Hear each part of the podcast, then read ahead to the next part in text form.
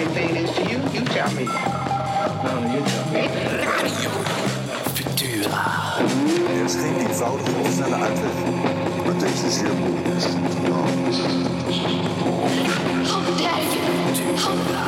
Our military has to be strengthened. Ik denk de theaterbeleving is op deze manier ongelooflijk moeilijk. Alexander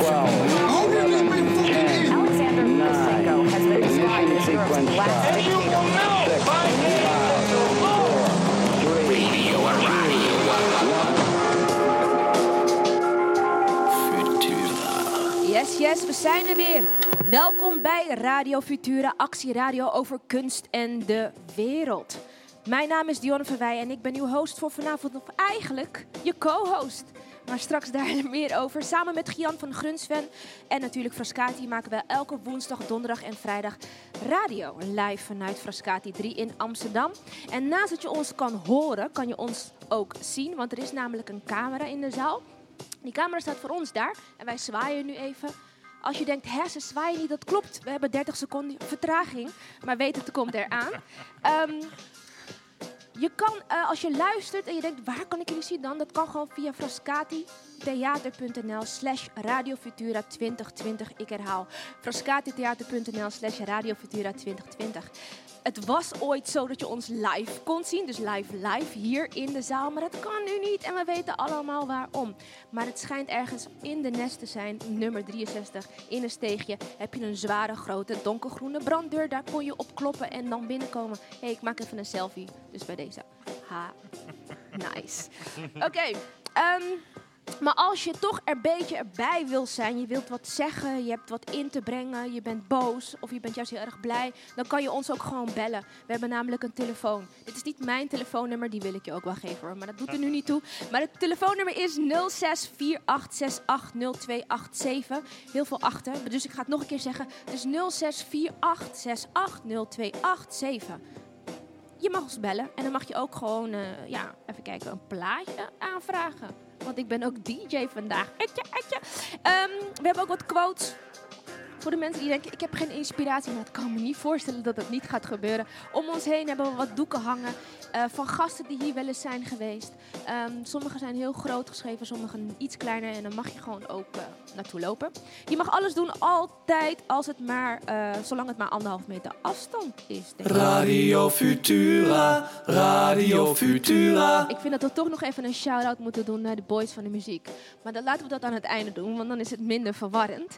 Ehm, Radio Futura, roerige tijden. We blijven gedwongen binnen.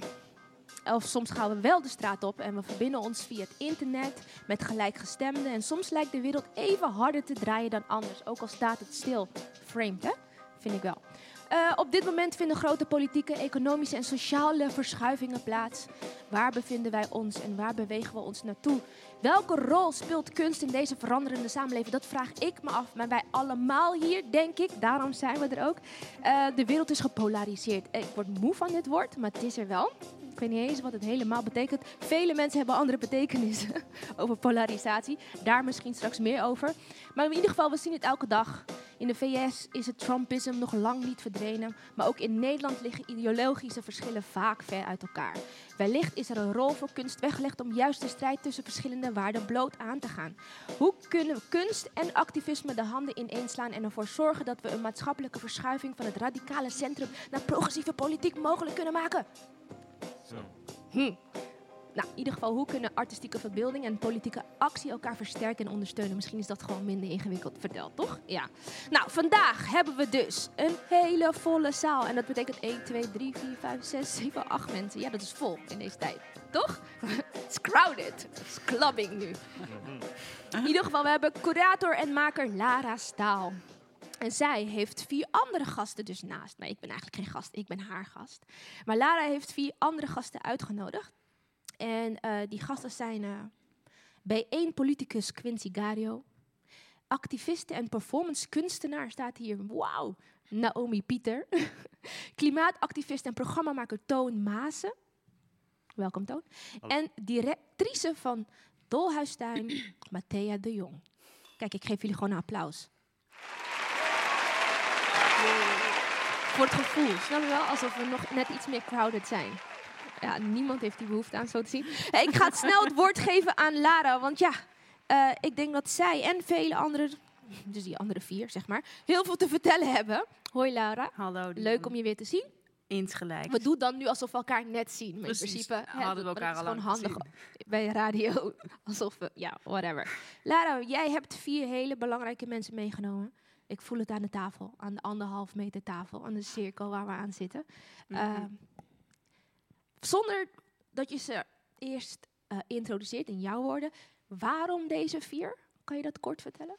Omdat ik het belangrijk vond om mensen te vragen die eh, in mijn beleving al heel erg bezig zijn met de vragen van vanavond. Namelijk hoe eh, kunst en politiek elkaar kunnen versterken in hun werk. En dat doen ze op heel verschillende manieren en ook in verschillende disciplines. Dus we hebben Mhm. politiek aan tafel, we hebben kunst aan tafel, we hebben kunstinstelling aan tafel, we hebben televisie en activisme aan tafel, we hebben choreografie. En dat zijn allemaal ehm, talen die me heel erg inspireren en die volgens mij elkaar kunnen versterken. Oh, ik denk het ook. Ik zou zeggen, take it away. Dankjewel. Radio Futura, Radio Futura.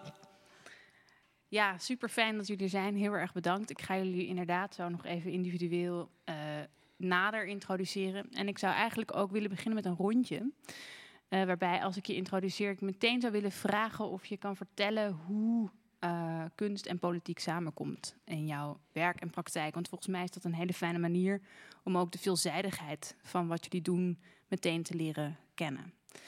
Eh, mag ik beginnen bij jou, Naomi Pieter? Je bent choreograaf en performanceartiest, medeoprichter van Black Queer en Trans, Trans Resistance Nederland, een van de woordvoerders van Kick Out Zwarte Piet en initiator van Black Pride Nederland en Pondy Pride, een dancehallfeest eh voor zwarte LGBTQ-wires. Heel fijn dat je er bent. Ja, dankjewel. Zou jij wat kunnen zeggen over, eh, als ik jou die vraag stel, eh, politiek en verbeelding? En je hebt daar ook al veel over gezegd in interviews. Ehm, je hebt een choreografie-achtergrond. Hoe ontmoet het elkaar? Ehm, Weet je, dat is eigenlijk elke keer weer een nieuwe ontdekking. En elke keer, weer, elke keer weer opnieuw op zoek gaan naar hoe die twee samen kunnen komen, hoe die twee samen kunnen bewegen. Eh, laatste voorbeeld die ik daarvan heb is bijvoorbeeld 25 juli, Museumplein. Waarin, ik daadwerkelijk, waarin we daadwerkelijk eh, choreografie hebben gebruikt om mensen te bewegen, om publieke ruimte te eh, vervormen, te transformeren. En ehm, ja, mensen van A naar B te laten bewegen. Helaas heeft dat niet helemaal kunnen lukken door de gemeente en de politie. En hebben we, ehm, ja, hebben we daarop moeten anticiperen. En hebben we net een kleinere vorm van eh, ruimtes en mensen bewegen eh, gebruikt. Maar ik denk dat dat, ehm, ja, dat het heel goed samen kan. eh, dat het heel belangrijk is ook om Ehm, voor mij dan, laat me vanuit mezelf praten, het belangrijk voor mij is om mijn kunstachtergrond en choreografieachtergrond te gebruiken om demonstraties of acties net op een andere manier te bevragen, te zien en in te vullen. En kan je nog eens beschrijven wat heb je gedaan op 25 juli? En wat was het oorspronkelijke plan en wat is er uiteindelijk gebeurd? Ehm, nou, het, het oorspronkelijke plan was om te bewegen vanaf het slavernijmonument, vanaf het oude. eh, om daar te beginnen zwarte LHBT'ers te eh, herinneren. eh, omdat wij altijd onderdeel zijn geweest van elke liberation of vrijheidsbeweging. Eh, maar toch worden we daarin vergeten als zwarte LHBT'ers. Dus we wilden heel graag daar beginnen, aandacht daarvoor vragen. En vanaf het oude naar het nieuwe bewegen, wat dan het Museumplein zal zijn. Het nieuwe is dan, nou ja, 2020, maar ook de hoop, de call for future. Dus de letterlijke beweging van een naar de andere plek. En daarin hadden we bedacht dat, nou ja, men moest sowieso op anderhalve, anderhalve meter. Dus we hadden... ehm, mensen gevraagd en daarnaast ook banners gemaakt om te zorgen dat mensen op een anderhalve meter kunnen staan. Dus we hadden daarin rijen bedacht. We hadden een hele ja, choreografie bedacht om te kunnen zorgen dat mensen van A naar B konden bewegen. Nou ja, dat kon helaas niet doorgaan. Dus eh, we hadden een statische manifestatie op Museumplein. Statisch betekent dat mensen niet mogen bewegen. En we hadden toch nog, want op Museumplein heb je een aantal, noem ik even, ja, ingangen, uitgangen, paden. Ehm, ik weet de straten even niet uit mijn hoofd. Maar ehm, in relatie tot, ehm, nu ga ik misschien een koppel- koppeling maken, heel, koppeling maken heel snel naar windrichtingen. Want we deden een ritueel en we probeerden van verschillende windrichtingen op Museumplein naar het podium toe te lopen. En daarin droegen we vier doodskisten. En eh, met die vier doodskisten kwamen we bijeen. En vanaf daar vormden we een lange stoet en liepen we door naar het podium. En waar stonden die, die kisten voor? Eh, de kisten, ehm, dat was heel, eh, ja, dat was symbool voor viering van leven en dood. Pride eh, is een politiek statement, is een politieke aangelegenheid. En we wilden heel graag die viering van leven en dood bij elkaar brengen. Want that's what Pride is about. En ehm, dus vandaar eh doodskisten. En ze waren ook wit. Ook om te zorgen dat iedereen er onderdeel van kon worden. En ieder zijn eigen geliefde of persoon die hij, hij of zij, persoon, ja, hen, eh, die, die zij graag wilden gedenken, die konden zij ook achterlaten op de kist. Dus vandaar dat ze wit waren. The color of passing through. It's a ritual color. Ehm, vandaar dat wij ook allemaal in het wit waren. Ehm, en ehm, ja, heel erg, ja, dat het object nog steeds actief is, actief was. En het komt ook in het museum terecht, in het Amsterdam Museum en eh, bij Ilja. Dus ehm, dat is ook heel tof dat daar nog steeds door blijft gaan en mensen ook hun eigen namen en ja, ehm ja last van kunnen schrijven en eigen Waarom, connectie. waarom is artistieke verbeelding belangrijk voor jou in een protest?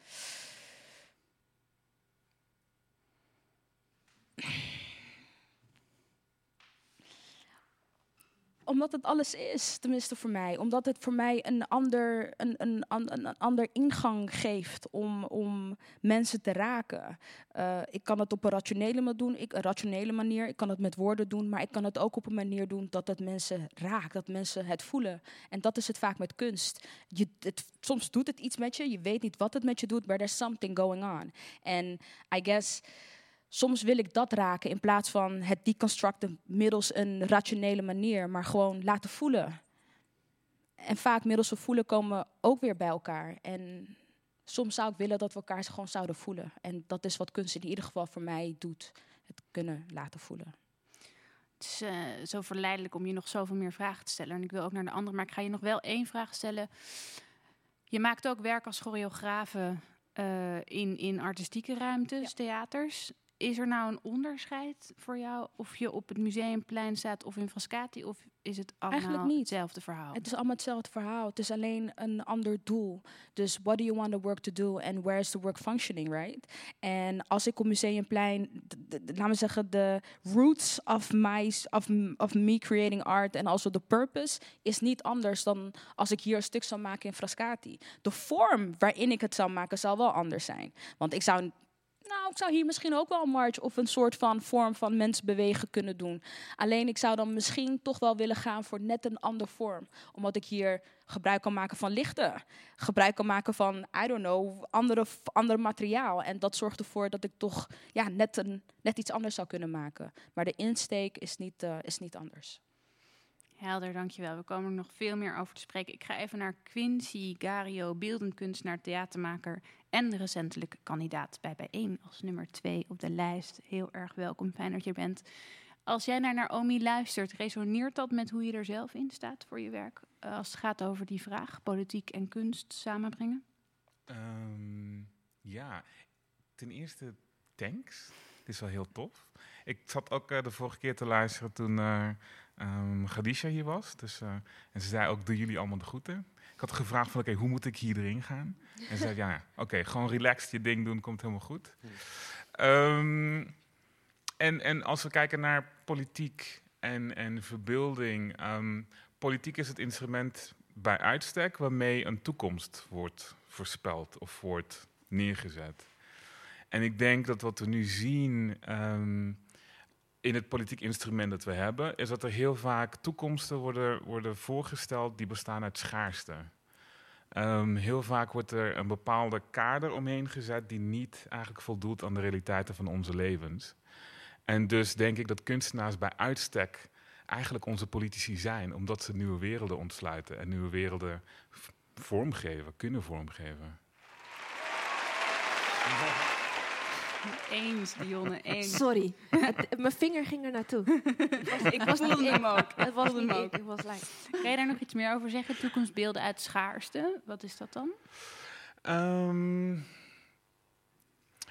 er wordt heel vaak gedacht of er wordt heel vaak gesproken vanuit een vijandig beeld richting mensen die niet binnen een affiniteitsgroep zitten. Eh, mensen die niet op degene lijken die machtsposities bekleden. En ik denk dat juist wij als kunstenaars zoeken juist verschillen op. Wij zoeken juist iets dat schuurt. Wij zoeken juist een andere manier van tot elkaar relateren en tot elkaar verhouden. En dan denk ik van, hé, hey, ehm, voor, voor mij is een, een, een koppeling tussen die twee en een soort van verrijking van ons politiek instrument ehm, noodzakelijk. En, en daar hebben wij als kunstenaars een best wel grote verantwoordelijkheid. Is interessant. Ik had een andere associatie bij schaarste. Eh, maar het is mooi om daar zo inderdaad over na te denken. Dus schaarste gaat heel erg over schaarste in perspectief, in wereldbeeld. Eh, ja. Een heel eh, homogeen, eh, eng idee van wat mens zijn, identiteit, Precies. wereldbeeld kan zijn. Ja.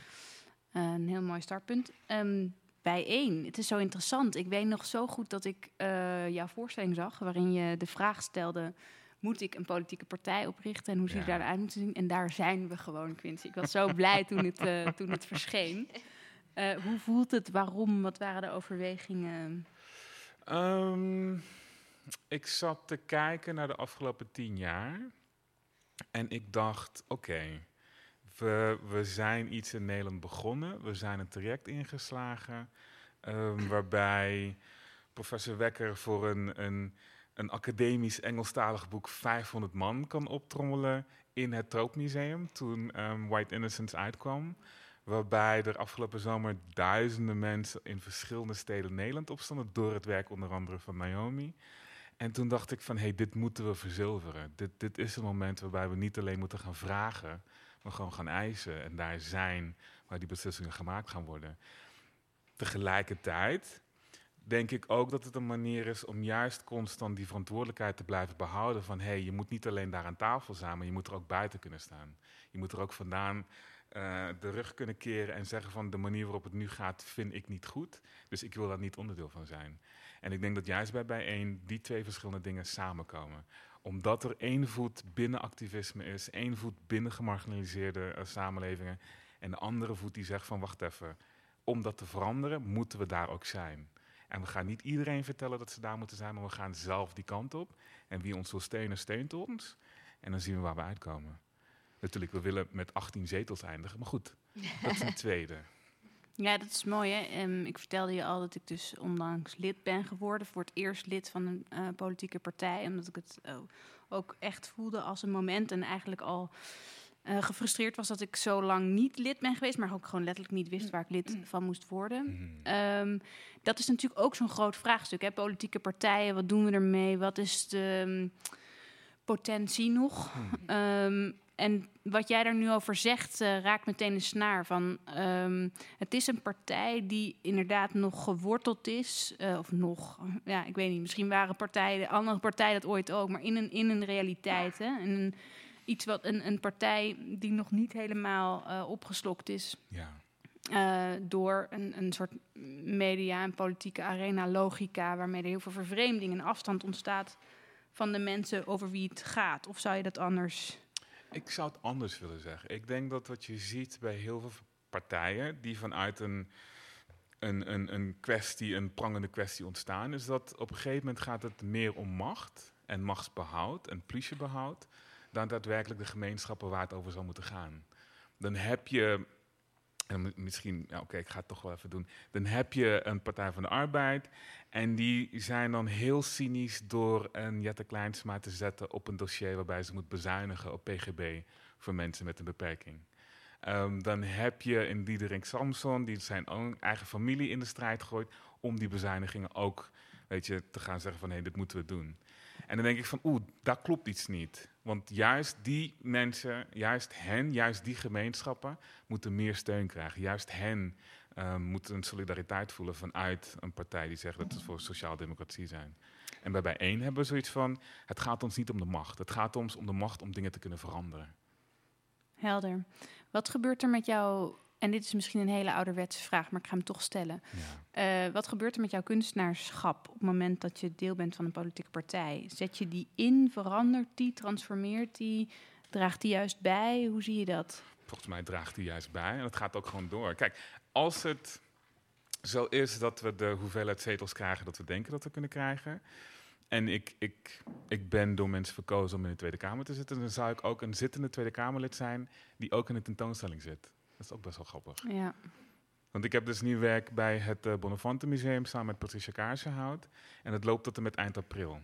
Dus het eens zo... En dat wil je ook blijven doorzetten? Dat je Ja. een kunstenaarspraktijk kan behouden naast je werk als... Als, als die Kamerlid er komt, ehm, dan gaan we er nog een keer naar kijken. Van oké, hoe is dat precies te combineren? Want het is wel fulltime baan. Ehm, maar ik denk dat het wel belangrijk is om in ieder geval niet te zeggen van ik hou op met kunst maken. Like, nee. Dat is mijn passie, dat is mijn drijfveer. En door middel van, van eh, de kunstenaarschap heb ik ook heel veel mooie dingen mogen doen. En heel veel mooie mensen mogen ontmoeten. Ik heb eh, bij de SNDO, dus de School voor Nieuwe Dansontwikkeling, vier jaar geleden lesgegeven aan, aan Naomi. En dan denk je van vet, om te zien waar iedereen dan uiteindelijk terechtkomt en waar mensen mee bezig zijn. Dan denk je van hé, hey, dit is, zo doen we dat. Um, elkaar informatie doorgeven, elkaar tools meegeven, elkaar uh, ontmoeten. Wij hebben ook eens, gesproken, wij hebben dingen samen gedaan. Ik ken Dionne nog uit de tijd van MC-theater. En dat je daar dan ook gewoon allemaal toffe dingen doet. En Maartje. En ja, dan denk je van oké, dit is... Zo moet kunst blijven doorgaan in al zijn verschillende vormen. En als ik daarmee in de Kamer ook wat kan doen en voor onze sector ook wat kan betekenen, ja, let's go. Zou je zelf zeggen dat je artistieke praktijk niet, niet stopt op het moment dat je Kamerlid wordt? Dat het een voortzetting is van? Of? Nee, maar dan, dan, dan maak je het Kamerlid ook een soort van spel. En ik denk dat we daar juist heel voorzichtig in moeten zijn, want het gaat wel over daadwerkelijke wezenlijke veranderingen in mensenlevens. Helder. We gaan naar Toon Maassen, de enige die Quincy net niet noemde. En ik ben dan heel erg blij dat uh, ik jullie aan elkaar kan introduceren vanavond. Want wat, dat had ik ook een beetje in mijn achterhoofd. Welke vier mensen moeten elkaar, vijf, absoluut uh, leren kennen als dat niet al het geval is. Ik ben alleen maar heel blij dat dat voor een heel groot deel al het geval is. Toon, uh, je bent klimaatactivist, presentator van Zap Your Planet en actief bij Extinction Rebellion. En medeoprichter van Café de Keuvel. Um, hoe luister jij hierna en hoe denk jij na over um, hoe het artistieke en het politieke bij elkaar komen in jouw werk? Ja, als eerste heel erg bedankt dat ik hierbij kan uh, zitten. Ik uh, vind echt een heel, heel vet groep mensen hier bij elkaar. En, um, ja, ik, ja, eigenlijk, ja, het verband tussen kunst en, en politiek is denk ik heel cruciaal. er zijn bepaalde dingen die kunst kan doen, dat maar weinig dingen kunnen, zeg maar. Ten eerste kan denk ik kunst heel goed iets aankaarten. Op een hele simpele manier een, een probleem aankaarten. Bijvoorbeeld, ik denk aan het, uh, dat, dat standbeeld, ik weet niet of je het kent, dat heet volgens mij zoiets als uh, uh, politicians arguing about climate change. en dan, dat zijn allemaal witte mannen standbeelden met, die aan, aan, het onderhandelen zijn. En die zitten allemaal met, met een nek tot aan het water, zeg maar. Dus dat is een heel, heel sprekend beeld, wat je eigenlijk alleen met kunst kan zeggen. en, en, en, en daar moet de politiek dan iets mee doen. maar het kan ook iets anders zijn, bijvoorbeeld dat, dat je met kunst kan rouwen over hoe, wat er misgaat of zo. Dat je echt gewoon een moment kan uittrekken van oké, ja, dit, dit gaat allemaal mis. Ja, dan denk ik bijvoorbeeld aan die pianist die, die piano speelde voor een, een, een smeltende ijskap. Uh, en dat is echt prachtig en dat, dat, ja, dan, dan besef je beter of zo. En dat kan alleen kunst, dat, dat het zo duidelijk maken, zo voelbaar maken wat aan de hand is. Um, en misschien nog wel het belangrijkste, en daar had jij, Quincy, had jij het ook even over. Uh, politiek zou moeten gaan over een, een, mogelijke toekomst. Wat, waar gaan we heen? Wat gaan we bouwen? En als iets daarvoor nodig is, dan is het wel verbeelding. Dus, en ja, als, als kunstenaars iets kunnen, is het verbeelden. Dus daarom denk ik dat het heel cruciaal is dat we gaan nadenken van hoe kan die toekomst eruit zien als we het allemaal echt geregeld zouden hebben. En als het echt zou zijn zoals we willen, hoe zou het uitzien? Het echt verbeelden, voor je zien. En dan kun je denk ik wordt het veel makkelijker voor politici om, om daar naartoe te werken. Dus ja. En um, kan je nog eens beschrijven in jouw werk concreet? Hè? Dus jij bent uh, presentator. Ik heb nu een beetje zitten eh zappen, googlen naar Zap Your Planet. Ja, en het is, ja, ik ben begonnen te kijken en het is fascinerend omdat eh Zap Your Planet als titel op een of andere manier riep heel veel weerstand op bij mij. Zo, oh ja, commercieel vercommercialiseren. En dan zag ik het en dacht ik, wauw, dat is echt super interessant. Jullie maken gewoon ehm, programma's over klimaatverandering voor kinderen op een informatieve en ook speelse toegankelijke manier. En jullie doen dat met een generatie die er ook echt, eh, nou ja, hopelijk kunnen wij er ook nog iets aan doen. Ja. Maar eh, daar zeker ook eh, mo- gemobiliseerd kan worden. Ja, nou ja, precies. Ehm, ja. ja, het is voor mij echt een, een droom dat ik daarvoor kan werken nu. En het is echt heel gaaf om te doen. En ja, waar dat mee te maken heeft, ik, zit- ik, doe, ik studeer en al heel lang bezig met duurzaamheid. En, eh, en eigenlijk ben ik nog nooit zo hoopvol geweest als nu. Om, eigenlijk de afgelopen twee jaar is de klimaatbeweging enorm versnelling geraakt. Zeker met die eh, klimaatstakers, dus echt jongeren die opstaan en eh, niet meer naar school gaan, om, omdat het gewoon om hun toekomst gaat. Maar ook Extinction Rebellion, misschien wel de grootste, snelst groeiende organisatie ooit. Het is enorm versneld. En, maar desondanks nog steeds veel te klein vergeleken met het probleem waar we tegenover staan en, en de belangen die er zijn. Eh, die, die alleen maar willen dat, dat het blijft, zeg maar, zoals het is. Het is nog steeds veel te klein. Maar eh, het is dus heel gaaf dat ik dan een programma kan maken, juist voor die kinderen, die, eh, die generatie die nu zoveel impact heeft. En dat ik hun kan helpen op een hele speelse manier en op een leuke manier, gewoon met lol. Maar wel ook echt hen informeren en nog meer kinderen eigenlijk informeren over wat er aan de hand is en hoe het zit. En dat ze dus niet alleen weten over klimaatverandering, maar ook over biodiversiteitsverlies en ook hoe dat, zeg maar, dus ja. Eh, Heb je dat gemist ehm, als kind zijnde? Ja. Die informatie? Ja, zeker. Ja, ik, meest, als je een jaar, ik groeide op in de jaren negentig als kind. eh, dan hoor je misschien één keer iets over het broeikas, het broeikaseffect of zo. Maar dat dit wordt niet. Ik kan me herinneren dat mijn, eh, mijn basisschoolleraar die zei letterlijk van ja, eh, ja, het broeikaseffect, maar ja, daar maak je niet zo'n zorgen over. Want ja, een tijdje gaat, gaat de olie toch op en dan kunnen we niet meer verbranden. Dus dat lost zichzelf op. En ik dacht toen al van, toen ik elf was, ja, volgens mij klopt dat niet, want misschien dat dat te laat gebeurt. Eh, maar dat was heel normaal om er zo over te hebben. Het was nog niet zo duidelijk of zo. Wel redelijk duidelijk in de wetenschap, maar niet eh, in het algemeen. En dat begint nu erg te veranderen. Maar denk je dat het een ding is van nu dus? Dat eh, kinderen, of tenminste mensen op jongere leeftijd, in aanraking komen met klimaatverandering bijvoorbeeld? Of alles wat deze wereld doet draaien? Ja, ja? ja, ja zeker. Zeg maar, hoe goed de huidige jongeren zijn geïnformeerd over klimaatverandering. Dat, die weten er meer van af dan toen ik zo jong was. Ja. Good thing, good thing. Sorry. Nee, nee, juist heel goed. Heb je het gevoel dat artistieke verbeelding in zo'n programma ook een rol speelt? En, eh, eh, of, of heb je andere voorbeelden in jouw werk waarin je je laat inspireren door het artistieke denken? Ehm, ja, nou ja, ik ik denk dat het, eh, dat het heel erg helpt. Nou, het zijn nu kinderprogramma's, het is ook gewoon echt entertainment bijna. Het is gewoon ook leuk en, en grappig en, en sketches en rolletjes. En, eh, we maken er wat leuks van, maar ik denk dat dat heel erg helpt om, eh, om zo'n zo'n zware thematiek toch wekelijks te gaan bekijken. Zeg maar. Het is een wekelijks programma en je gaat niet elke week als kind kijken naar hoe het nu allemaal, wat er allemaal nog meer is uitgestorven of eh, hoe dicht we bij kantelpunt aan het komen zijn. Dan, dan, dan ga je er gewoon een tijdje niet meer naar kijken, denk ik. En, dus het is heel erg een manier ook om eh, ja, de, de menselijkheid in te houden en, en eh, eh, eh, ja, op, op, op, een, op een fijne manier over te kunnen reflecteren, denk ik. Is dat iets wat we, waar we ons meer bewust voor zouden moeten zijn, ook als het gaat over volwassenen? Dat we hoopvollere strategieën zouden moeten vinden om met klimaatproblematiek om te gaan? Nou, nou eigenlijk, eh, nou ja, ik, eigenlijk niet. Want eh, eh, ik, ben, ik, ben, ik, ik ben in ieder geval heel erg geïnspireerd bijvoorbeeld door juist die, eh, die klimaatstakers en zo iemand als Greta Thunberg. Die, eh, wat, wat eigenlijk deden we dat altijd. Zo heb je dat bijvoorbeeld ook met het oprichten van de Keuvel gedaan, een soort duurzame broedplaats, juist heel uitnodigend. Van kijk, dit kan allemaal duurzaam, het hoeft niet duur te zijn, het is even lekker en zeg maar, het kan wel heel positief. En daar, dat vinden mensen wel inspirerend, maar het, zet misschien niet de grote systeemverandering in gang die je zou willen. En iemand als Greta Thunberg, spreek je het uit, eh, die, eh, die zegt gewoon, ja, fuck you, ik wil niet dat wij straks jullie CO2 moeten gaan opvangen en eh, je maakt mijn toekomst kapot. Dus ik denk dat juist bij volwassenen die negativiteit beter werkt eigenlijk en echt schuldgevoel. En, eh, want, want anders gebeurt gewoon niks. Ja. Heer, heer.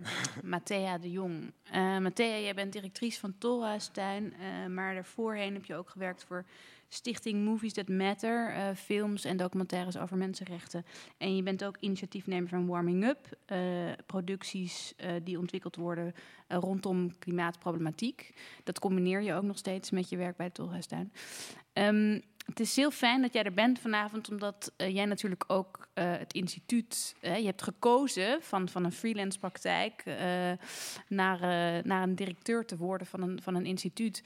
Mm, als je mm, iedereen beluistert, hoe ben jij bezig om dit soort zaken in je werk ook als directeur van een instituut te ondersteunen of uh, vorm te geven. Het voelt nu wel heel formeel. Ah, sorry, dat is niet, helemaal niet de bedoeling. Nee, maar ik denk, um, ik weet niet, ik kan niet voor de anderen spreken, maar het is een vraag die ik me veel gesteld heb. Wil ik me aan een instituut binden? Oh, waarom ja. wel, waarom niet? Wat zijn de voordelen? En ik kom denk ik altijd in zo'n soort van een paradoxale verhouding waarin ik denk, ja, we hebben ze enorm nodig. We hebben vooral nodig dat goede mensen ze leiden. Daarom ben ik heel blij dat je er bent vanavond. uh, want daar ligt denk ik heel veel hoop. En tegelijkertijd weten we, nou ja, het is een beetje de metafoor die Quincy net ook gebruikte voor bijeen. Hè? Hoe zorg je dat je deel bent van het instituut en vooral ook feeling blijft houden met daarbuiten? Um, ik denk dat jij er wel beter over na zou hebben gedacht.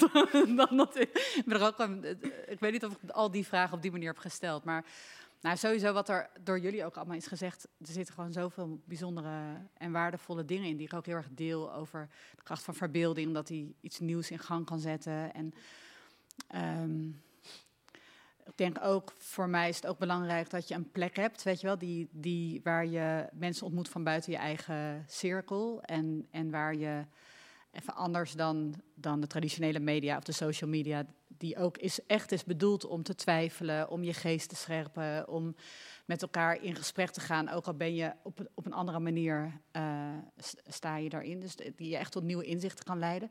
En vanuit wat er nog niet heel erg hier is, daarom denk ik dat voegt dan toe, uh, is dat ik in de projecten die ik hiervoor heb gedaan en nog steeds doe, ook met Warming Up, maar ook met weet ik veel, asielzoekmachine of andere projecten, dat ik, dat ik denk dat het. Uh, um, de maatschappelijke uitdagingen waar we voor staan, zijn uitdagingen die niet alleen maar door een politieke of bestuurlijke elite um, uh, bekokstoofd kunnen worden. Dat zijn problemen die ons allemaal aangaan. Dat is met het, met het klimaatthema absoluut ook het geval. En ik was gewoon heel erg gefrustreerd toen er een, heel, een hele zomer lang klimaattafels waren, maar ik zat er niet aan die tafel. En ik als, weet ik veel, een heleboel burgers van Nederland niet. En toen dacht ik van, dit is, dit is iets wat ons allemaal aangaat, waar we allemaal een, een idee over zouden moeten hebben, of inspraak in moeten, zouden moeten hebben. Dus daar, daar wil ik iets aan doen. En ik denk dat kunst en cultuur, media, dat dat alle, allemaal manieren zijn om mensen uh, daarbij te betrekken. Op een laagdrempeligere manier of juist op een andere manier dan dat het doordat je geraakt voelt. Of door, weet je wel, dus dat het iets anders kan aanboren. Dus dat was, de dat was een van de motivaties om daar, daarmee te starten. Uh, dus echt een kunstcultuur als onderdeel van een, van een vitale democratie. Um, die, uh, ja, dat vind ik wel echt van belang. Wie ja. zaten er wel aan die klimaattafels? nou, een aantal NGO's, grote bedrijven. Um, nou ja, gewoon al die belangenverenigingen, maar niet de, de, de belangenbehartiger van de, van de burger. En hoe zet jij kunst en cultuur in, uh, bijvoorbeeld binnen Warming Up? Hè? Want dat is ook echt jouw agenda uh, ja. om klimaatverandering aan de kaak te stellen, juist middels die brede beweging. Kan ja. je daar wat meer over zeggen? Hoe speelt kunst en cultuur daar een rol in voor jou? Ja, dat is het uitgangspunt. Dat is het uitgangspunt. Dus het, dus het, gaat, het gaat uit van kunst en cultuur uh, om het klimaatvraagstuk op een veel laagdrempeligere en toegankelijke manier bij mensen onder de aandacht te brengen. Uh, je wordt al snel, daar zal jij alles van weten, Toon, je wordt al snel weggezet als een klimaatgekkie als je het hebt over het klimaat. Dat zagen wij ook in de projecten die we deden bij Warming Up. En uh, de, de, de, de, de veezenders zeiden allemaal van nou, zodra het gaat over klimaat, zetten mensen weg. Dus uh, daar, kunnen we, daar scoren we niet mee, geen kijkcijfers. Nou ja, dat is uh, volgens mij bij jou wel, gaat heel erg goed. En, ja, goed, ja. en we hebben, we hebben ook een aantal dingen gedaan op tv. En nou ja, daarin, daaraan zie je dat die kijkcijfers dus wel heel erg hoog zijn. Dat mensen er wel, dus best wel een soort popularisering van ingewikkelde onderwerpen. Daar hebben we best wel op ingezet. En... Um, en vanuit Tolhuis Tuin sprekend, uh, leek het, ja, toen dat, dat kwam op mijn pad. En dat, dat, ik vond het echt een hele mooie uitdaging, omdat ik dacht, het is een plek die is zo centraal. is aan de overkant van het Centraal Station. Het is het oude kantoor van Shell. Um, het is ook zo groen is het bijna nergens. Het is ouder dan het Vondelpark, zeg maar. De, de, de tuin daarachter is... Uh, dus als je, als je het hebt over die thematiek, is het... Nou, er is geen andere plek die zo logisch eigenlijk is om, om in te zetten om, uh, om, de, ja, om die thematiek van klimaatverandering, maar ook van inclusiviteit. En eigenlijk al die uitdagingen, die grote transitie die voor onze deur staat, dat weten we. Er zal hoe dan ook iets moeten veranderen aan deze manier van leven. Uh, laten we dan beginnen om die daar handen en voeten te geven en uh, uit te gaan proberen. Heb je een voorbeeld van hoe een kunstproject waar je recentelijk mee bezig bent geweest of nu mee bezig bent, voor jouw gevoel een goed antwoord formuleert of iets in beweging zet waar je naar op zoek bent? Oh, er zijn er heel veel. Ik vond bijvoorbeeld wat hier uh, vorige week, of die week daarvoor, het project van, van uh, Anouk Nuyens en Rebecca uh, van de Shell is ook een voorbeeld van een fantastisch project waar heel veel research achter zit, wat ook ons heel erg helpt om ons beter te kunnen duiden binnen die thematiek. Ja, dat is, dat is te gek. En, ehm, maar ook bijvoorbeeld wandelconcerten die vanuit de Oosttuin worden georganiseerd door Excelsior, waarbij je wandelend, nou ja, op een andere manier kunst en cultuur beleeft. Ik ben heel erg enthousiast over de serie Expeditie Groen die we bij het Tolhuistuin hebben, waarbij je elke keer of kanoëns door het ei.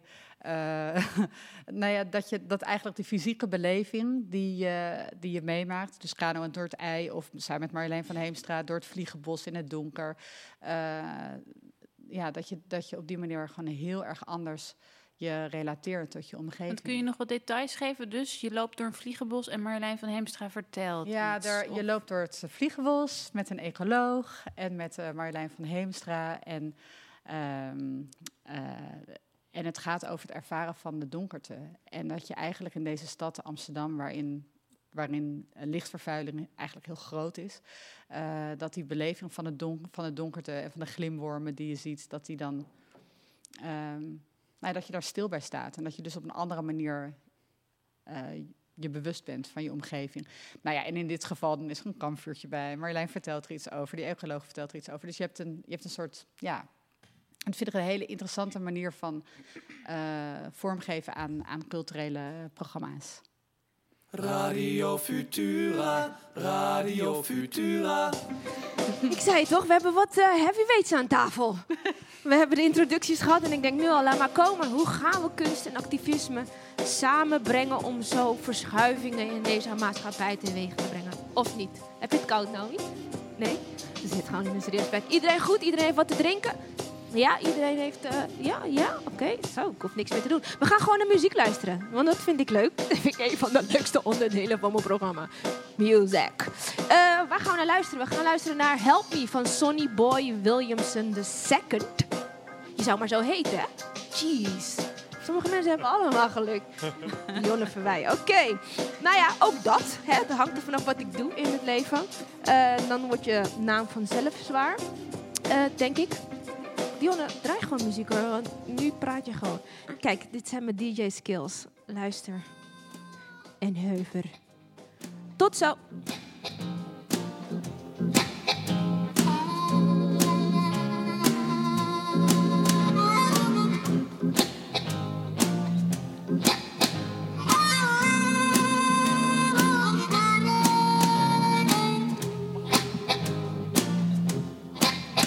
Got to help me. I can't do it all by myself. You got to help me, baby. I can't do it all by myself. You know, if you don't help me, darling, I'll have to find myself somebody else. I may have to wash it, may have to sew. I may have to cook, I might mop the floor, but you help me, baby.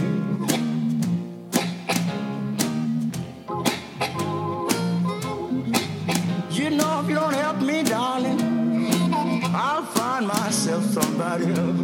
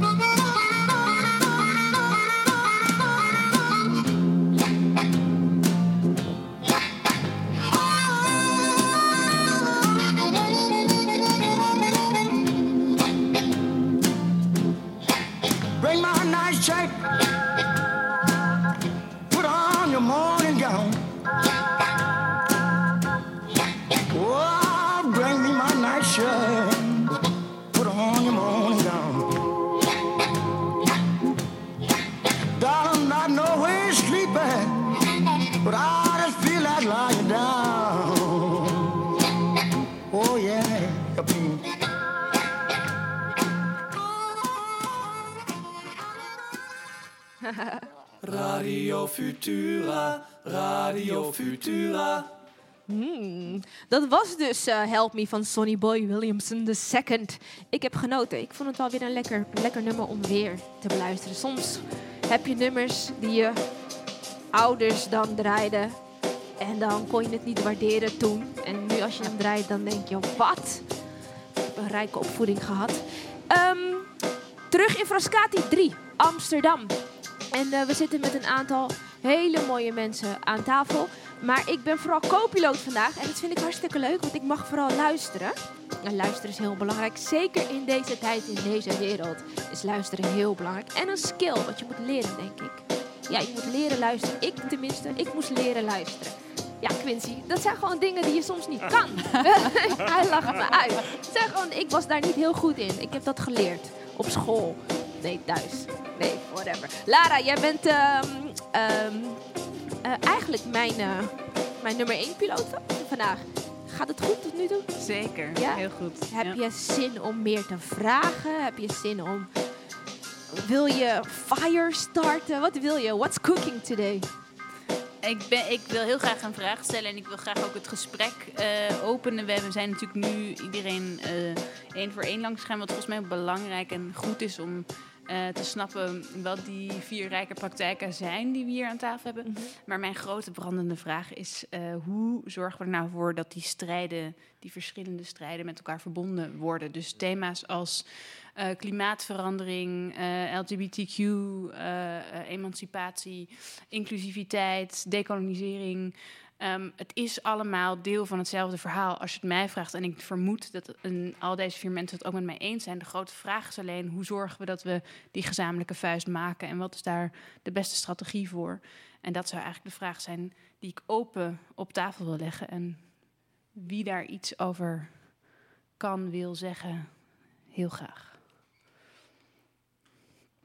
Niet allemaal tegelijkertijd. Zullen, hem te, zullen we hem ontleden, je grote vraag? Welke strategieën zijn er? Is Ja, dat Dionne, soms mag het ook even stil zijn. Ja, je hebt Ook gelijk. Radio, Ik vind het luister- het is ook een vraag die je even Nee, moet, ik vind, dat ehm, lui- ik vind het moeilijk. Ik snap, ik snap het. Ik ga je uit je lijden eh, verlossen. Nee, ja, eh, hebben, we, hebben we voorbeelden? Eh, zijn er mm, praktijken mm, uit onze eigen praktijk of, of van anderen waarvan we voelen van ja, daar worden eigenlijk verschillende verhalen aan elkaar verbonden. En, en, en dat is waar we ook naartoe moeten. Misschien zeggen jullie ook wel, dat valt wel mee dat het zo belangrijk is om dat met elkaar te verbinden. Dus ik ben gewoon benieuwd, hoe kijken jullie daarna? Is dat iets waar jullie mee bezig zijn? Nou ja, ik, kan misschien wel reageren. Ik vind het heel belangrijk dat het wordt, eh, dat het wordt verbonden.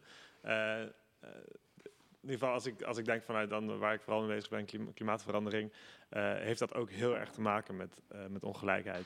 Eh, op heel veel verschillende manieren. Zeg maar de, eh, de, de, de, rijkste landen ter wereld hebben het grootste gedeelte van de bijna alle eh, uitstoot veroorzaakt. En de grootste klappen gaan juist vallen bij de armste landen. En, ehm, zeg maar, nu zijn er al meerdere keren per jaar allerlei overstromingen in Bangladesh. En, dat vinden we blijkbaar niet zo erg. Dus dat heeft ook met racisme te maken. En dat heeft ook met, met ongelijkheid te maken. En, dus, en ik denk dat het juist heel krachtig is als je eigenlijk de strijd, eh, de verschillende strijden om eh, gerechtigheid en gelijkheid met elkaar kan verbinden. En, ik vind dat een heel uh, inspirerend voorbeeld. Eigenlijk de, campagnes van Bernie Sanders en Alexandria Ocasio-Cortez. die, um, normaal gesproken hebben we heel vaak inderdaad bewegingen of mensen een bepaalde focus. Van nou, ik ga echt hier, dit is mijn speelpunt. Maar wat zowel Bernie Sanders als Alexandria Ocasio-Cortez hebben gezegd van hey, we gaan niet prioritiseren, maar dit zijn allemaal hele belangrijke dingen en die gaan ook uiteindelijk allemaal over hetzelfde soort problemen die erachter liggen. En, uh, en we gaan hier allemaal tegelijkertijd vol voor. Uh, zowel heel klimaatprobleem oplossen als uh, keihard racisme aanpakken, als een algemene gezondheidszorg voor iedereen. Zeg maar. en, en ik denk dat dat, dat de, heeft wel nadelen. Denk als je heel erg op één ding focust, kun je misschien in eerste zin daar meer, meer gedaan krijgen. Maar als je ze toch combineert, dan kun je veel meer mensen met je verbinden. En uiteindelijk ook veel meer mensen motiveren en een veel grotere coalitie creëren eigenlijk om uiteindelijk al die dingen voor elkaar te krijgen. Ik denk dat het echt heel belangrijk is.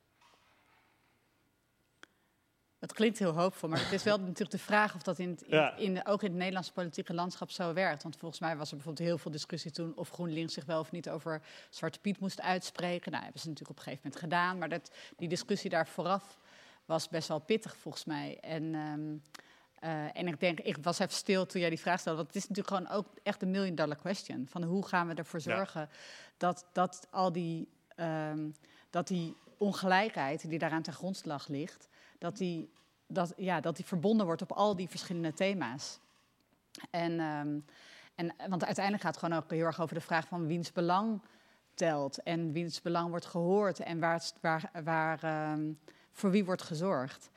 Um, dus ik weet, ik weet het niet zo heel erg goed. Wat de, goede, wat de goede voorbeelden zijn waar we lering uit kunnen trekken. Ik heb wel het idee dat er echt heel erg veel gebeurt. Dus in die zin ben ik heel erg hoopvol qua soort dat mensen het veel meer doorhebben wat er aan de hand is dan, uh, weet veel, vijf jaar geleden of zo. Dus dat er wel echt wel ontwikkelingen gaande is. Uh, om die thema's ook aan elkaar te verbinden. Maar tegelijkertijd, ja, I don't know, we zijn er nog niet. en we hebben best wel haast, jongens. De verkiezingen die komen eraan, toch, in uh, maart. Dus die voel ik wel. Absoluut. Ja. Ja, ik vind het uh, inderdaad een, ja, ik vind het een, een, beetje een lastige vraag, tenminste om zelf te beantwoorden. Omdat als je het aan mij vraagt, denk ik, ja, maar dat doe ik toch al. Dus is, het, is, dat, is de vraag, weet je, is die vraag dan voor mij bedoeld of voor mensen die met mij dit actief bedrijven? Dus ik vind het een beetje lastig. Um, ik zou wel willen horen hoe andere politici of andere mensen juist hierop reageren. Hoe gaan zij hun beleid intersectioneel bedrijven? Hoe gaan zij de, hun strijd of de, de, de, de, ja, de weg naar vrijheid en gerechtigheid uh, combineren met verschillende strijden? Want ik denk underground, uh, a lot of us are doing that. Wil je de uh, verantwoordelijkheid delen? Is dat wat je zegt? Uh, of ik hem wil delen. Ja. Ik denk dat wij deels al de verantwoordelijkheid delen. Als ik denk hoe de strijd bijvoorbeeld met Kick Out Zwarte Piet of uh, uh, Black Queer and Trans Resistance, hoe we daar de handen in één slaan met verschillende movements om bijvoorbeeld iets gedaan te krijgen. Of als ik denk aan Curaçao, waarin uh, bijvoorbeeld waar de klimaat en de klimaatbeweging, de decolonisatie, de LGBT-beweging allemaal bij elkaar komen. En dat we daar nog lang niet zijn waar we moeten zijn. Dus voor mij, ik weet je, voor mij vind ik het een lastige vraag, omdat ik denk, we're doing that. Dus sowieso, nee, maar dat bedoel ik. Nee, maar sowieso wil ik de verantwoordelijkheid delen. Maar ja, dus maar met, ook met hen waarvan jij denkt, en jullie hebben key plekken. En er gebeurt nog te weinig. Of is dat, is dat nu je, uh, ik, ik, ja, je vraag? Van, moet je het wel aan mij vragen en niet aan hen? Die ik, ik denk dat, ja, ik denk dat die vraag aan hen gesteld moet worden. Van wanneer gaan zij die stappen maken om de strijd intersectioneel te maken. Of juist de strijd te, te, te verbinden met andere strijden. Ik denk, als ik hier om me heen kijk, misschien durf ik te zeggen dat we best wel hand in hand slaan. Dat we elkaar kennen van verschillende wegen. Uh, daar, dus er ook met elkaar samenwerken. Dus I don't know if this question is meant for us. Want ja, dat, dat, ja, hoe doe je iets wat je al doet? Hoe geef je daar antwoord op?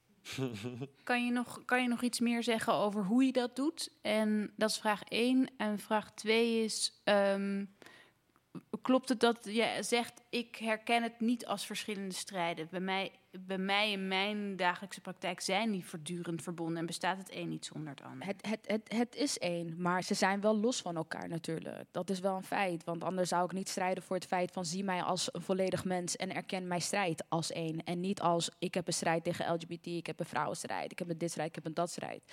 Het zou fijn zijn als ze bij elkaar kunnen komen en dat we gewoon één vuist kunnen vormen met z'n allen in plaats van verschillende bewegingen hebben. Maar goed, dit is de realiteit, dit is een feit. En het mag ook wel, hè. Ieder mag ook zijn beweging hebben. Ik denk niet dat we met z'n allen per se één beweging moeten hebben. Ik denk dat je verschillende mag hebben, Hm. moet hebben. eh, om juist die, weet je, dat fijne ook aan te kunnen stippen. Maar, ehm, shit. Is die gezamenlijk aan het kletsen? Nee, nee, nee. Dit is eh, super relevant allemaal. Eh, is, die is die gezamenlijke vuist er al in jouw beleving en is die groot genoeg? Nee, ik denk dat die best wel kan groeien. Ik denk dat die best wel kan groeien. Ik denk dat die ook groeiend is, zeer zeker. Maar ehm, ik denk niet. Tenminste, ja, voor mezelf vind ik het gewoon een lastige vraag om te beantwoorden. Eh, omdat ik steeds meer zie hoe we meer samenkomen, hoe we elkaar steeds meer vinden, hoe eh, eh, verschillende movements juist ehm, gedecoloniseerd worden. Of juist bewust worden van het feit we need each other. En dat het niet één ding is. En dat je niet één ding kan bestrijden zonder het andere te erkennen. Want anders ben je daarin tegelijkertijd ook aan het onderdrukken. Omdat als je, ja, nou ja. Dus ehm, ik denk dat dat groeiend is. Maar zo'n vraag als dit zou ik eerder aan Rutte willen vragen, bijvoorbeeld. Of aan Wilders, of weet ik veel, om het even zo te zeggen. Maar Hoe ga jij de straat daar... eh, Je hebt zo gelijk en tegelijkertijd vraag ik me zo heel erg af of het nog zinvol is om te denken dat het daar vandaan gaat komen. En dat het onze taak is om die mensen op te leiden. Is dat onze taak? Of gaat het er nu om om vooral te zorgen die vuist zo groot mogelijk te maken met die mensen waarvan we horen dat het resoneert, waarvan we voelen dat er beweging is. En, en die hegemonie, die macht zo groot te maken dat uiteindelijk de, de Ruttes van deze wereld wel zullen moeten buigen. Eens. Ehm, dus, dus het gaat niet eens zozeer, want ik voel ook de, het gevaar van de individuele aanpak. Van hè, begin bij jezelf, hoe doen wij dit hier nu? Eh, maar dat is eigenlijk niet zozeer wat ik bedoel. Maar ik bedoel eigenlijk veel meer, het gaat daar, ik heb het gewoon, ik heb niet de hoop dat het vandaar gaat komen. Dus ja, ik zou ze die vraag graag willen stellen. En tegelijkertijd ben ik misschien liever bezig de wereld zo ver te beïnvloeden dat wat zij voorstaan eh, geen ruimte heeft of zo min mogelijk, om het maar zo te zeggen. Ik, ik wil nog eh, naar Quincy, maar ik vroeg me af, Naomi, of je nog ons iets kan vertellen over gewoon hoe werkt dat, die verschillende strijden samenbrengen of het herkennen van elkaars strijd. Kan je daar nog een voorbeeld van geven of beschrijven? hoe, hoe vertaalt zich dat praktisch, gewoon concreet? Dus concreet, just jumping on the wagon. Jouw strijd is mijn strijd en mijn strijd is jouw strijd. Heel simpel. En weet dat jij onderdeel bent van elke strijd. En dus daarin een ally bent en ook verantwoordelijkheden verantwoordelijkheden in hebt. Ik kan het niet simpeler maken dan dat. Als er een, eh, ja, terug naar Kick-Out Zwarte Piet. Ehm, in deze demonstraties, ik heb samengewerkt met een code rood. Ik heb samengewerkt met eh, Doorbraak. Ik heb samengewerkt met eh, verschillende instellingen. Samengewerkt met verschillende theaters, artiesten. Om samen een vuist te vormen. Eh, tegen antiracisme. Dus ik, ik, voor mij is het niet meer dan logisch dat we samenwerken met elkaar. Ehm, als ik denk aan Fossil eh, Culture. Ik weet niet wie jullie of jullie Fossil Culture NL kennen. Nou, daar heb ik heel veel respect voor. En die zorgt ook voor heel vaak om intersectioneel eh, een, een beweging of performances te maken. Nou, dat zijn voorbeelden die heel praktisch en gewoon het bedrijven zonder daar een, een theorie voor te lezen. En dat is wat ik het, daar is waar ik het eerder over heb. Dus niet zozeer van eh, dat ik reken op de Ruttes of de Wilders, maar meer dat. eh, I think that we're doing that. En vaak naar een soort van framework zoeken, terwijl het best wel simpel is. Just do what you need to do. En snap dat jouw strijd mijn strijd is en mijn strijd jouw strijd is. Dank je. Quincy? Ja. Hoe luister jij hierna? Eh, ook een beetje denkende aan bijeen. Ik bedoel, de, wat je vaak hoort is dat de one-issue-partij, zoals natuurlijk Partij van de Dieren, denk ik ook heel vaak wordt weggezet. En als je volgens mij goed naar het partijprogramma leest, zie je daar een heel integraal denken. Hmm. Ehm, kan je iets zeggen over hoe bijeen of jij daarbuiten in je werk bezig bent met dat integrale verhaal en of jij vindt dat dat integrale verhaal voldoende verteld wordt, vormgegeven wordt? Ehm, Nou ja, het, ehm, voor de mensen die luisteren en denken van oeh, hoezo heeft Lara al het partijprogramma gelezen, maar ik nog niet? Dat kan. het staat nu, echt letterlijk nu, nu online. Het is net een eh, eh, twee uurtjes geleden online gezet. Dus even een, een shout-out, plug. Ehm, en ik denk dat inderdaad, wanneer je het programma leest, dan zie je inderdaad dat al die dingen constant met elkaar verbonden zijn. Ehm, en, en, en we weten niet beter. Het, ik denk dat het ook te maken heeft met een kwestie van hoe word je een handlanger? Dus hoe zorg je ervoor dat op het moment dat jij met iemand meestrijdt, dat jij ook iets op het spel zet? Dus ehm, als ik als ik als man ehm, ehm, het patriarchaat probeer af te breken, dan gaat het erom dat ik ook zelf een bepaalde rol, een bepaalde privilege, een bepaalde bevoorrechting die ik heb, ook probeer weg te nemen, omdat het niet klopt, omdat het ongebalanceerd is. Als ik dat als hetero persoon doe, is het precies hetzelfde. De wereld en de omgangsvormen en bestuur en beleid is geënt op een bepaalde normalisering van mijn seksualiteit en dat hoort niet iedereen's seksualiteit moet net zo meegenomen worden in hoe wij, hoe wij de samenleving hebben ingericht. Iedereen moet toegang hebben tot dezelfde publieke middelen. En ik denk dat daar eigenlijk de strijd ook zit. Van hoe zorg je ervoor dat de historische inbalansen die we in het systeem hebben gebouwd en gebakken, eh, dat we die eruit kunnen halen. Dus eigenlijk stuur je, aan, stuur je een cultuurverandering aan. Ja. En zijn daar geen voorbeelden van? In history of binnen kleine bedrijvigheden. Eh, heb je daar... Heeft iemand een goed voorbeeld van een cultuurverandering?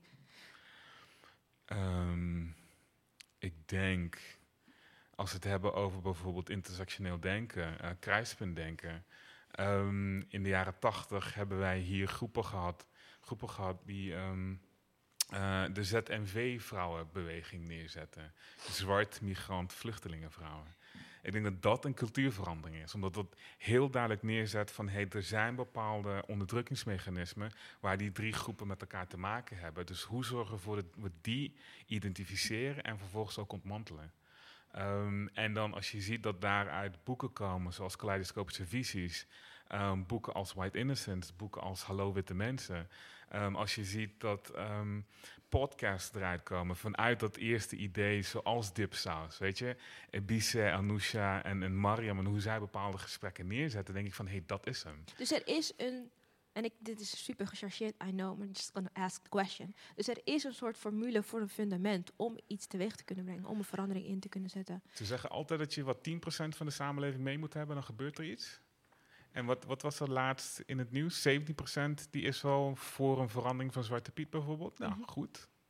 Dat, dat is een heel duidelijke cultuurverandering We die hear. ingezet is. Ja, maar toch denk ik dat, eh, nou ja, elke tijd heeft zo zijn eigen middelen, net Hmm. zoals je net zei. Ja. En eh, je, je noemde net al podcasts. Ja. Eh, vind ik een super medium. Ja. Jij was trouwens ook nog langsgekomen, niet of niet? Bij Oru. Of moeten we je nog uitnodigen? Oké, dit is schaamteloze reclame maken voor iets wat ik zelf doe, sorry. Oh, wacht even, wacht even. Ik gooi deze gewoon erin. Radio Futura, Radio Futura. Eh, eh, schrap dat. Hey, ehm, nee, maar eh, oké, middelen om verandering teweeg te brengen. Ik ben daar gewoon heel erg benieuwd naar, omdat we ook wel in een supersnelle Ja. tijd leven. Alles verandert met de dag. En ook denkwijzes veranderen met de dag, maar strategieën ook met de dag. Zijn er nieuwste trends waarvan je denkt, hm, dit is de pusher man. Ik denk, het, ik denk het moet gekoppeld zijn aan dingen die tried and trusted zijn. Dus community building gebeurt niet via Instagram. Hmm. Ik Kan je dat nog een keer zeggen? Community building gebeurt niet slechts via Instagram. Het is niet alleen maar een hashtag. Je moet weten van oké, zijn er ook plekken buiten het publieke veld waar mensen op hun bek kunnen gaan, waar mensen ehm, vragen kunnen stellen waar ze oncomfortabel bij voelen? Ehm, zijn er plekken waarbij mensen in een bepaalde geborgenheid ook kunnen leren? En ik denk dat doordat we een soort van heel publiekelijk zijn met van alles en nog wat, kunnen mensen ook geen fouten maken. Hmm. En daar moeten we eigenlijk van af. Want je kan geen community bouwen zonder fouten te maken intern. En ook excuses kunnen aanbieden van shit, I made a mistake, we gaan verder. Leven we dan in een tijd waarin we heel bang zijn om fouten te maken? Want ik kan me ook voorstellen dat je... Ja, hè, je hebt cancel culture nou. Mm, ja, maar dat is bullshit. mis. Ja, maar dat klopt niet. Zelfs als je sorry zegt, ben je gewoon af. Nee, maar ik denk dat dat wat jij zegt wel belangrijk is. Dat er gewoon dat, dat in, zeker in deze coronatijd is het natuurlijk super ingewikkeld. Want hoe doe je dat? Hè? En ik moet de hele tijd denken in, tijdens dit gesprek aan een uh, huiskamergesprek wat ik had in Leeuwarden met blokkeervriezen en uh, mensen van Kikhout Zwarte Piet. Waarin je dus echt ziet dat twee hele verschillende werelden bij elkaar komen. En dat gesprek was, uh, dat was, weet ik veel, dat was twee jaar geleden denk ik, of drie jaar geleden. In elk geval, het was toen een NOS-kop dat ze met elkaar in gesprek waren. Oh. in een flatje van een collegaatje van me. En, um, uh, en, en ondanks dat het gesprek heel erg ongemakkelijk was en ingewikkeld, was er ook iets wat, wat, ze, wat ze van elkaar leerden, allebei, van, van beide partijen. Uh, namelijk dat ze beide het gevoel hadden dat ze buitengesloten werden door Den Haag. Door, weet je wel, dus de, het, het, het, dat ik weet niet. En niet dat dat gesprek alles heeft opgelost, helemaal niet, verre van dat. Maar ik denk wel dat we meer plekken nodig hebben waar je niet alleen maar met super fijne mensen die je, uh, met wie je dezelfde soort overtuigingen deelt, spreekt. Maar, dat, maar, um, maar ook mensen die daar heel anders over denken. En, en ook in een soort safe space dat het inderdaad niet meteen publiek is. Dat je ook van gedachten mag veranderen in plaats van alleen maar je eigen opinie versterkt. Zeker met het laatste. Um, maar ja, dit is wel een heel specifiek voorbeeld. Maar ik denk dat het ook belangrijk is dat op het moment dat je mensen bij elkaar brengt, dat er ook een erkenning is van feitelijkheden en ook een erkenning is van verschillende onderdrukkingen. En dat die niet in balans zijn met elkaar. Een blokkeervries die een hand krijgt van een politieagent dat hij een snelweg heeft geblokkeerd, is niet hetzelfde als een demonstrant. Oh, maar ik bedoel daar ook niet mee te zeggen dat ze, dat ze gelijk aan elkaar staan hoor. Daar gaat mij niet om. Het gaat er meer om dat je heel vaak in je eigen cirkel hele interessante, goede gesprekken met elkaar hebt. Uh, maar dat die gesprekken van buiten, met mensen die echt een andere opinie hebben. Want um, nou ja, ik, bedoel... ik ben zo blij ja. dat je dit zegt, Matthea, want dit is precies zo mijn vraag. Ik denk dat ik. Uh, een tijd geleden nu heel erg zou zitten knikken. En, ik, en terwijl ik nu naar je luister, denk ik, ik weet het niet. Ik weet eigenlijk niet of we wel met blokkeervriezen in gesprek moeten. Ik, ik ben heel benieuwd hoe jullie hierover denken. Maar dit is echt iets waar ik, wat, ik me heel, uh, wat me heel erg bezighoudt, ook in mijn werk. Uh, is het niet zo dat wij, uh, zeg maar even makkelijk links-progressieve groep uh, dat iets hebben geïnternaliseerd over ja, in onze bubbel zijn en gelijkgestemde is eigenlijk een beetje zwak, want we staan dan met onze rug naar de samenleving, wie dat dan ook mag zijn.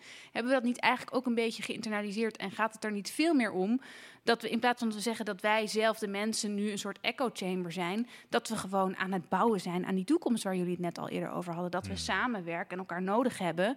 Precies omdat we ook weer allemaal andere expertises binnenbrengen. En ik vanuit mijn positie niet hetzelfde kan denken of voelen of invoelen, maar wel me kan verbinden. Uh, en dat het heel belangrijk is om daarin uh, kleur te bekennen en misschien niet onze energie te verliezen aan met blokkeervriezen in gesprek gaan. Dat is echt iets wat ik me heel erg afvraag. Mm. Als je het hebt over community building, dan vraag ik me dat ook af. Waar haal je je community vandaan en wie wil je in je community en middels wat? Dus als het gaat over een gesprek met, in dit geval, blokkeervriezen, is het dan investeren in je community? Omdat we het daarover hadden hoor, met Quincy. Ja. Dat weet ik ook niet zo goed. Wat denk jij? Ik niet. Het is verwarrend, hè? Want je kunt zeggen, ja, democratie en iedereen heeft recht op zijn mening. En op een bepaald moment denk ik, maar sommige dingen zijn niet rechtvaardig. En de enige boodschap die ik voor blokkeervriezen heb, om eerlijk te zijn, is gewoon dat het ontoelaatbaar was. En ik vraag me af of we niet in het politieke spectrum, maar misschien ga ik nu ook te ver, want, hè, dus ik ben echt heel nieuwsgierig wat je zegt. Want ik heb ook bewondering dat jij dat doet in een huiskamer, die mensen bij elkaar brengen. Uh, dat het je gelukt is om het vertrouwen te winnen, dat ze met dat gesprek aan zijn gaan en dat je het gevoel had dat daar iets veranderde. Maar wat ik me soms afvraag is of er niet ook door dat soort contexten een soort legitimatie wordt gegeven aan hmm. acties die onderdrukkend zijn en gevaarlijk voor de democratie en die niet eerlijk worden behandeld. Die voorrang krijgen, die niet op dezelfde manier worden bestraft. Als nee, maar je haalt wel twee dingen door elkaar. Want ik denk dat, dat, het, dat het idee van met elkaar in gesprek gaan niet betekent dat je op gelijke voet. Dat, hoe zeg je dat? dat? Dat iedereen evenveel gelijk heeft. Dat zijn twee verschillende dingen.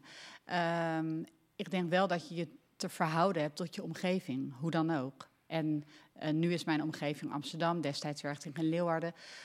Um, en uh, in die, op het moment van dat gesprek, om heel even terug te gaan, was ook een moment waarin het, waarin het echt op scherp stond. Dus het, het, was, het voelde voor mij als een hele bedreigende, gevaarlijke situatie. Waarin nou ja, de jaren daarna heeft het zich ook nog verder ontwikkeld. En inmiddels zijn we gelukkig weer een heel stuk verder eh, in de hele. Maar dat, op dat moment hoopte ik ook dat zo'n gesprek de, de scherpe randjes eh, er iets wat vanaf zouden kunnen halen. En ik denk ook dat dat is, op een bepaalde manier is gebeurd. Ehm, dus ik denk niet dat het een het ander uitsluit. Eh, ik denk, ik, kan me, ik snap wel heel goed wat je zegt, waar, waar besteed je energie aan? Want ik bedoel, ehm, de ontwikkelingen gaan zo hard en er is zo weinig tijd. Dus waar, waar kan je het meeste effect sor- sorteren? En eh, dan is misschien een gesprek met mensen die echt een totaal andere mening hebben eh, dan jij, niet de meest effectieve weg om die community building te doen, toch? Dus dan, dan ehm, daar ben ik het wel mee eens. Ja. Naomi. Ja, ik, wil, ik zou willen toevoegen als een soort van insider. Want weet je, ik heb dat gesprek ook gezien. En ehm, ja, kijk, eh, Jerry die gaat wel graag in gesprek met mensen. Ehm, ik weet dat moment nog goed en me ook afvroeg van wat de F ben je aan het doen? Eh, like, what are you doing? Maar tegelijkertijd denk ik bij mezelf, dingen mogen best naast elkaar staan, wat je zelf ook zegt. Ehm, zijn tactieken zijn bijvoorbeeld niet mijn tactieken. Het zijn niet, ook niet de algemene tactieken van Kick-Out Zwarte Piet bijvoorbeeld. En ik denk dat dat mooi is. Ik denk dat het ook mooi is dat hij daar wel bijvoorbeeld je, hel in ziet om gesprekken te voeren. Ik bijvoorbeeld totaal niet. En anderen bijvoorbeeld van ons hebben er ook een andere eh, gevoel in. Die zoiets hebben van, no, ik ga mijn tijd niet besteden om eh, racisten iets duidelijk te gaan maken. Er zijn genoeg boeken, er zijn genoeg tijdschriften, er zijn genoeg informatie. Go do your work. There's Google. Do something. Maar ik ga daar mijn tijd niet aan besteden. Want inderdaad, ik ben liever bezig met mijn community. Ik besteed liever mijn tijd en energie aan mijn community. Maar goed, ik, ik vind het dan ook weer mooi als ik dan de resultaten hoor van zulke gesprekken. Ik vind het dan toch wel mooi als ik dan eh, hoor van Jerry dat hij berichten krijgt van mensen die zoiets hebben van: Yo, weet je wat, ik heb erover nagedacht. En het gesprek met jou heeft me echt andere dingen doen laten denken. Dan denk ik van: Damn man, hij you're like the messiah. I don't know what you are. maar het doet wat met mensen. Dus ik wil daarom, weet je, wil ik het toch wel naast elkaar zetten van het een hoeft het ander niet uit te sluiten, maar ik denk niet dat het ieders tactiek hoeft te zijn. Dus het hoeft niet zo te zijn dat we met z'n allen Kumbaya hoeven te zingen. Maar hey, als iemand daar wel de energie voor heeft, go do it. Wacht even. Sorry, super flauw, maar super fijn dat je dat zegt. Want omdat ik ergens. eh, eh, we zijn natuurlijk, of tenminste ik, ik ben iemand die denkt aan resultaat. Waarom? Wat krijg je ervoor? Wat bouwt het op? Wat breekt het af? Wat heb je nodig voordat je een gesprek ingaat? En ehm, soms kan je andersom denken. Probeer eerst, eerst iets uit en kijk wat je daarna eruit hebt gehaald. Wilde ik gewoon even zeggen als side note. Ik denk dat we naar muziek gaan luisteren. Dat gaan we doen. Ik denk dat ik eh Pusher Man van Curtis Mayfield weer, weer wil horen. Dat is een van mijn favorieten. Eh, dat is gewoon lekker. Dus eh, tot zo.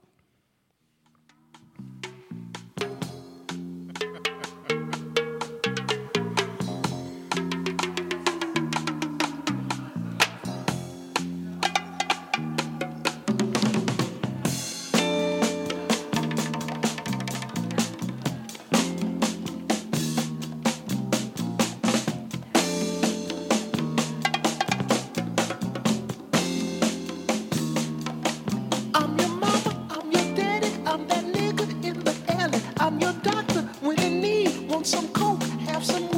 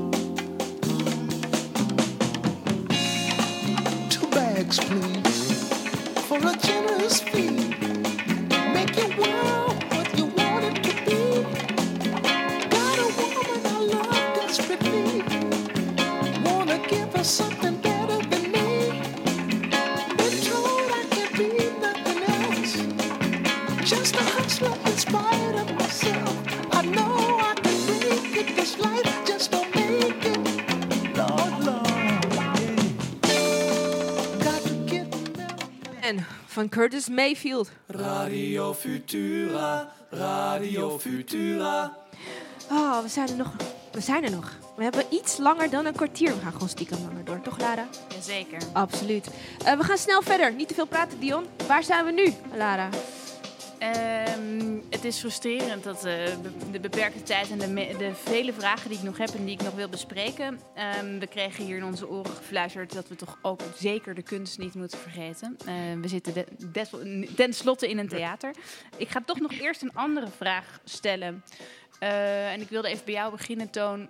Ehm, eh, ik geloof dat Naomi Klein is die eh, op een gegeven moment zo'n citaat heeft waarin ze zegt: eh, Crisissen zijn het moment waarin de wereld veranderd kan worden. Maar het is ook precies dat kwetsbare moment dat je denkt: als het nu niet verandert, dan zijn we wel heel ver verwijderd van waar we naartoe moeten. Corona is natuurlijk zo'n internationale crisis die op een of andere manier eh, voor het, is een, het is een disruptie. Eh, eh, het normaal wordt onderbroken en is misschien het moment om dat normaal eh, grondig te herzien. Ehm, hoe zie jij dat? Ben je hoopvol wat deze mm, pandemie aangaat qua verandering en ten aanzien van klimaat? En is, klopt dat? Is een crisis, zijn crisissen de momenten voor verandering? Ja, dat laatste klopt sowieso. Eh, dat, dat zie je nu ook. Van alles bedoel, Ineens wordt het vuurwerk afgeschaft, wat al heel lang over werd gediscussieerd. Er zijn, een crisis zorgt gewoon voor dat ineens van dat wat er mogelijk is, wordt gewoon veel groter. Eh, ineens zijn veel meer dingen bespreekbaar, omdat er gewoon, zeg maar, shit hits the fan. Dus we moeten iets doen. Eh, eh, dat, dat, en dat, heeft, dat heeft inderdaad Naomi Klein ook eh, helemaal uitgewerkt in een heel boek, waarbij ze dat voorbeeld na voorbeeld laat zien. Dat telkens een crisis, een bepaalde verandering, die vaak wel al gaande was, ineens heel erg versneld heeft. Eh, en zeker hoop ik dat, eh, dat, eh, dat coronacrisis dat voor, voor klimaat kan betekenen en voor, voor veel va- van de andere problemen die we hebben. Maar ik zie het echt nog veel te weinig. Eh, grotendeels heeft het er eigenlijk voor gezorgd dat we juist een verminderde aandacht ervoor hebben. Zeg maar, vlak voor de coronacrisis begon, toen was het echt het ding, klimaat de hele tijd. Eh, we hadden toen de bosbranden in Australië en alle stakingen. En het ging da- daar, er was een enorm momentum. En toen kwam ineens die coronacrisis en heeft eigenlijk al die, al die protesten bijna onmogelijk gemaakt en stopgezet. En, eh, en je hoort ook wel politici zeggen van ja, eh, we hebben nu moeten gewoon geld geven aan, aan de economie redden of zo. En, eh, terwijl dat heel zonde zou zijn als dat inderdaad het pad gaat zijn. Want nu zou echt een nieuwe kans, want we moeten zoveel opnieuw opstarten. Zoveel bedrijven die we redden, zou je hele strenge eisen kunnen, kunnen stellen. Precies. Ehm, eh, en die, die kans is er nu. En op sommige plekken gebeurt het wel. En ik ben ook heel blij dat bijvoorbeeld Frans Timmermans gewoon doorgaat met zijn Green Deal, eh, ondanks de coronacrisis. Maar er was wel weer iets minder geld door vanwege corona. Dus ik zie het nog te weinig, maar het zou het zeker kunnen zijn. Het is toch eigenlijk absurd als er één crisis is die allesomvattend is en al deze verschillende strijden die we hier aan tafel hebben eh, samenbrengt, is het wel klimaat. Hoe kan het dat, het dat het op een of andere manier, het lijkt wel alsof we zo'n soort.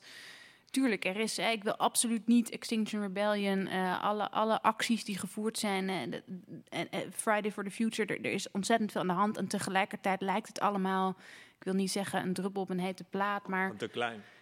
hoe maken we dat nu? Ja, of eh, eh, hoe verklaren we dat? Maar misschien buiten de analyse vooral naar het actieplan. Ehm, wat moet er gebeuren? Of hoe kunnen we daar zelf aan deze tafel aan bijdragen? Hoe, hoe kijken jullie ernaar?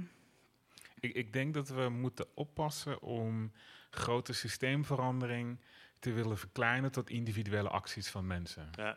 Ehm, ook als we kijken naar, naar een soort van global warming en over ecologische destructie. Ehm, wat is het? 100 bedrijven zorgen voor 70% van alle, alle rotzooi die we nu hebben. Dus dat, we kunnen wel zeggen van, hé, hey, rietjes moeten weg. Maar wie schaden we ermee? Um, we schaden de mensen die rietjes juist nodig hebben. En ik denk dat we constant op die manier, als we het hebben over hoe breng je al die verschillende belangen bij elkaar, moet je daarover nadenken van wat houdt dit in en wie is hier, wie is hier de dupe van? Is het een bedrijf die de dupe van wordt? Goed zo. Is het een individuele persoon die het al moeilijk heeft, gemarginaliseerd wordt en al onderdrukt zit, uh, lage sociaal-economische klasse? Ja, dan klopt er iets niet. Dan wordt de, de zwaarte en het gewicht van de verandering neergelegd bij de mensen die juist niet de uh, verantwoordelijke zijn voor alle rotsen die we hebben. En daar, um, en als ik dan nog een keer bijeen mag, mag zeggen, daar letten wij heel erg op van hoe zorgen we ervoor dat de lasten voor deze verandering niet juist bij de groep terechtkomt die er mee te maken heeft. Ja. Nou ja, wel verschillende dingen. Um, even kijken hoor. Uh, het allereerste dacht ik van ja, we kunnen ons niet permitteren om niet hoopvol te zijn. We moeten, we moeten hoopvol blijven. Hmm. Uh, ook al uh, kunnen we niet alles controleren. Uh, een van de dingen die we met Warmer Up hebben gedaan is een serie van het grote straatberaad organiseren. Ook Extinction Rebellion heeft allerlei burgerberaden uh, die ze vaak bij de acties koppelen. Ik ben met een groepje daar nu ook mee bezig, iedere week om te kijken hoe we dat verder kunnen belobbyen. En inmiddels is er ook een motie aangenomen die echt door 125 of 127 Kamerleden is gesteund. Uh, waar ik dus heel hoopvol van word, uh, die vraagt om, een, om de voor- en nadelen van een burgerberaad te onderzoeken. in de aanloop naar de volgende verkiezingen, zodat dat meegenomen kan worden in informatieonderhandelingen. Um, ik denk ook omdat politici zien dat, er, dat ze ergens spaak lopen. Dus dat die korte termijn um, uh, maatregelen die impopulair zijn uh, niet genomen worden. Uh, uit angst voor kiezersverlies of whatever.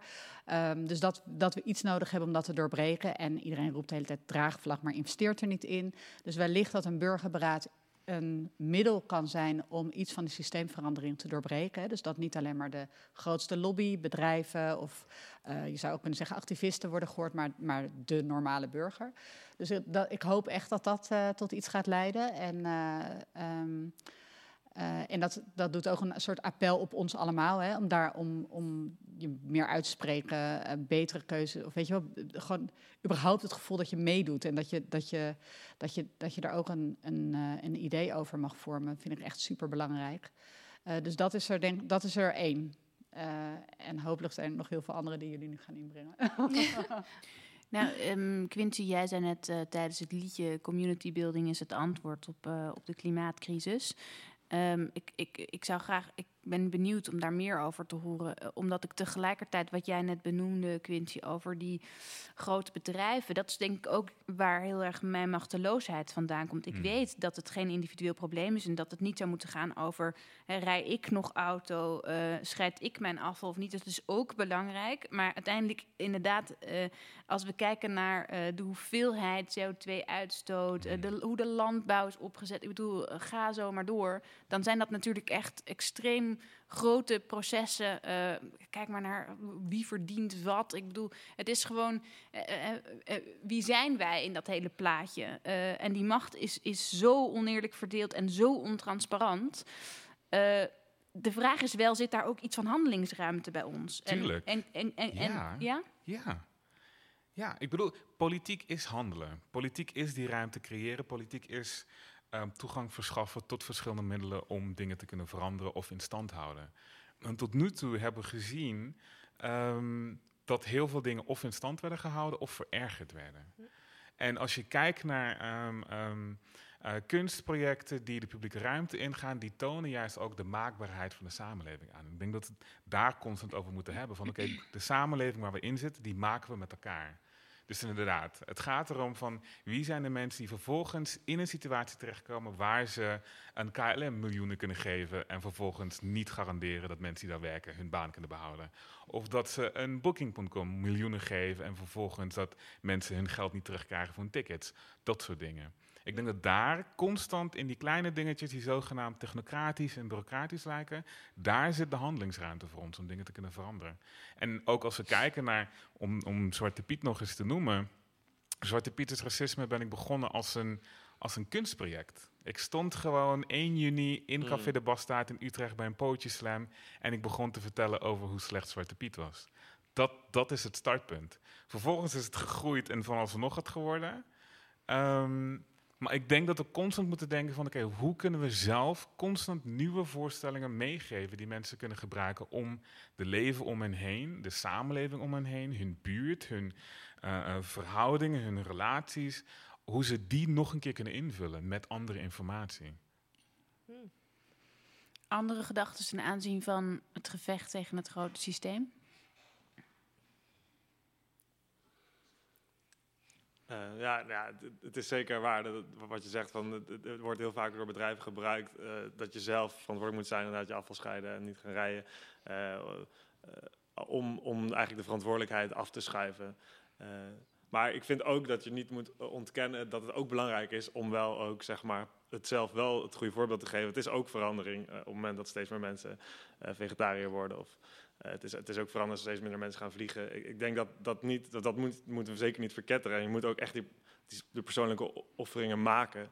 Eh, maar eh, je moet vooral oppassen wanneer grote bedrijven het daar vooral over hebben. Hmm. En want dan, ja, dan klopt het gewoon niet meer. En, en, en die grote bedrijven moeten gewoon echt of failliet gaan of veranderen. Heb je, heb je die tweet gezien van EOC met Shell? Ja, zeker. Ja. Ja, dat vroeg dat is echt bizar. Ja. Dus Shell die vroeg, die had een soort poll van... hey, eh, wat zou jij eh, willen doen of opofferen of zo voor een beter milieu? En dan kon je kiezen uit eh, allerlei van die kleine voorbeeldjes. En dat die, die tweet is helemaal viral gegaan. Nou, ik ben bereid jullie aan te klagen... of ik ben bereid om, eh, Ja. o- om Shell failliet te laten gaan... Of, of jullie de bak in te laten gaan. Maar was dat... Nou, ik dacht ook echt... Dat is echt een grandioze Ik, ik geloofde het niet, Nee. bijna. Ik denk, dat, dit vraag je toch niet? Jij, als Nee, je maar- allerlei- dit is toch vragen om problemen? Ja, ja, maar dat was Je het ook, ja. Hier, schiet me maar. Kom maar. Ik denk dat diegene die dat gemaakt heeft... nu zijn baan niet meer heeft. Nee. De voorstelling die hier eh, inderdaad, eh, wat is het, twee weken geleden speelde, die Matthea even aanhaalde, de zaak Shell van eh, Rebecca de Wit en Anouk Nuyens, gaat inderdaad eh, onder andere over Shell. Eh, en zij noemen de een verantwoordelijkheidscrisis, vond ik interessant. Dus dat het inderdaad gaat over eh, eh, het afschuiven van verantwoordelijkheid als, bijna als strategie. En een van de sterkste momenten vind ik de monoloog. Dus ze hebben monologen geschreven voor eh, de overheid, voor de Shell-CEO, voor, voor de burger, voor de toekomstige generatie en voor de aarde. De aarde stil. En toch hoor je hem spreken, dat is ook een mooi moment. Maar ehm, die monoloog is zo goed omdat je ergens, terwijl je er naar luistert, puur omdat het theater is, deconstrueert het ook de logica. Het deconstrueert de logica waar, waar gewoon ja, bedrijven ontzettend goed in zijn. Ik, neem je mij nu kwalijk dat ik winst maak? Maar ja, dat is toch een bedrijf, dat is toch hoe het werkt. Eh, eh, als zolang jullie willen blijven tanken en willen rijden, eh, ja, u vraagt, wij draaien. Dus er zit een heel interessante omkering die het heel moeilijk maakt om. ehm, en, en zelfs het, het bombarderen van vijand. Dus hey, jullie willen graag mij de vijand zien en bij het kerstdiner over mij klagen. Want dat verbroedert. Ik snap het, doe het maar hoor. Maar, et cetera, et cetera. Eh, dus, dus inderdaad, als het gaat over kunst en over eh, storytelling, dan zie je dat eh, wij al lang niet meer van de kunsten de enige zijn die dat soort strategieën inzetten. Dus dat roept misschien ook een vraag op, en dat wilde ik aan jou vragen, Naomi, over ehm, hè, hoe wij als kunstenveld ons verhouden tot ehm, bijvoorbeeld een politiek veld of een economisch veld dat ook steeds theatraler wordt. En wat betekent dat dan weer voor, voor, voor de kunst bij ons? En ik weet dat jij in een interview eh, zeg je iets heel moois en ik zou je nu willen citeren, maar dat ga ik niet proberen, want ik kan het niet helemaal reproduceren. Maar je zegt iets over hoe voor jou eh, het, het, de interventie, de, de politieke interventie in de publieke ruimte is voor jou choreografie. Is er ook iets in onze beperkte blik op kunst, of ouderwetse blik of conservatieve blik op kunst, die te weinig erkent dat de verbeelding voortdurend verbonden is met activisme? Dat is een hele grote vraag. Ik ben eigenlijk, I got lost in the, in the question, to be honest. Sorry. herhalen, kun, je, kun je de vraag net iets kleiner voor me maken? Ja, helemaal. Ehm, ik ben nieuwsgierig. Dus er zitten inderdaad meerdere vragen. Dus de ene vraag gaat over op het moment dat een eh, politiek veld ehm, heel theatraal wordt en media en, en, en, en Twitterberichten en one-liners en storytelling eh, zo belangrijk wordt. Wat betekent dat dan eventueel voor de kunsten? Dat was vraag 1. En vraag 2 is de andere kant, waarin jij in een interview iets heel moois zegt over dat voor jou de interventie of de demonstratie al een vorm van choreografie is. Dus dat er misschien ook een, eh, op het moment dat zegt, waar blijft de kunst, kun je misschien ook zeggen, die is al lang, je moet het alleen maar zien. Damn, nog steeds. Oké. Sorry, ik maak het niet makkelijker. eh, nee, het zijn like damn. Ehm, nou ja, kijk. eh, ehm, ik zeg dat inderdaad vaker. Ik zeg, ik zeg vaker dat mijn, mijn kunst of mijn. Wat ik doe, of the personal is political. So therefore my art is political. Heel simpel. Dat ehm, ik zat een keer in een, eh, een, in een meeting, in een eh, panel met eh, Billy T. Jones, volgens mij, choreograaf. Oh, wauw. Ja, ja, ja, ik zat in een panel met hem en op een gegeven moment eh, hadden we het over mijn werk en over kunst, et cetera.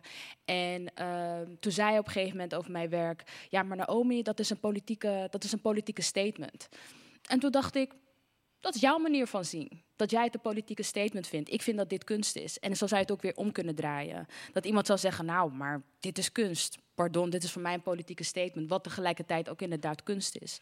Dus in die zin, ja, kan ik alleen maar antwoorden als ik de vraag goed begrijp. Dat, eh, dat sowieso dat er een traditionele manier van kunst zien is. En ik denk ook, als ik vaak benoem dat ik SNDO heb gedaan of SNDO, of eh, nou ja, heel veel mensen kennen SNDO niet. Of kennen de vorm die ik gebruik, of eh, ja, de vormen die voortkomen misschien. Ik wil niet zeggen vanuit de SNDO, maar net andere soort vormen die niet, die niet misschien traditioneel begrepen worden. Ehm, dat Voor de mensen die niet weten, sorry, wat SNDO is. SNDO is een eh, is, eh, voluit heet School voor Nieuwe Dansontwikkeling. Het is een choreografieopleiding, performance arts, choreography. En, ehm, maar het is niet de choreografie of de, ja, de choreografie die we gewend zijn. Het is niet 5, 6, 7, 8. Het is net een andere manier van kunst zien en bedrijven. Waardoor ehm, wij toch op een, ja, wij, eh, ja, wij, namelijk vanuit mezelf praten, ehm, wij kunst of choreografie net iets anders zien. Kunst is overal. Art is overal. Imagination is everywhere and is everything.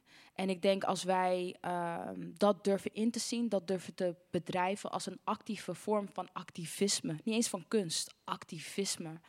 Ehm, om de wereld te transformeren. Ik denk dat we allemaal heel ver zijn om kunst, verbeelding, politiek samen te brengen. En ik denk iets wat Quincy net ook zei, het gaat ook over, volgens mij zei jij dat net over verbeelding, het durven verbeelden van een nieuwe wereld, het durven verbeelden van een nieuwe samenleving. En dat is, ja, dat gebeurt toch ergens with imagination, right? Of dat nou kunst is, of dat nou iets anders is, of dat nou, ja, noem het maar op.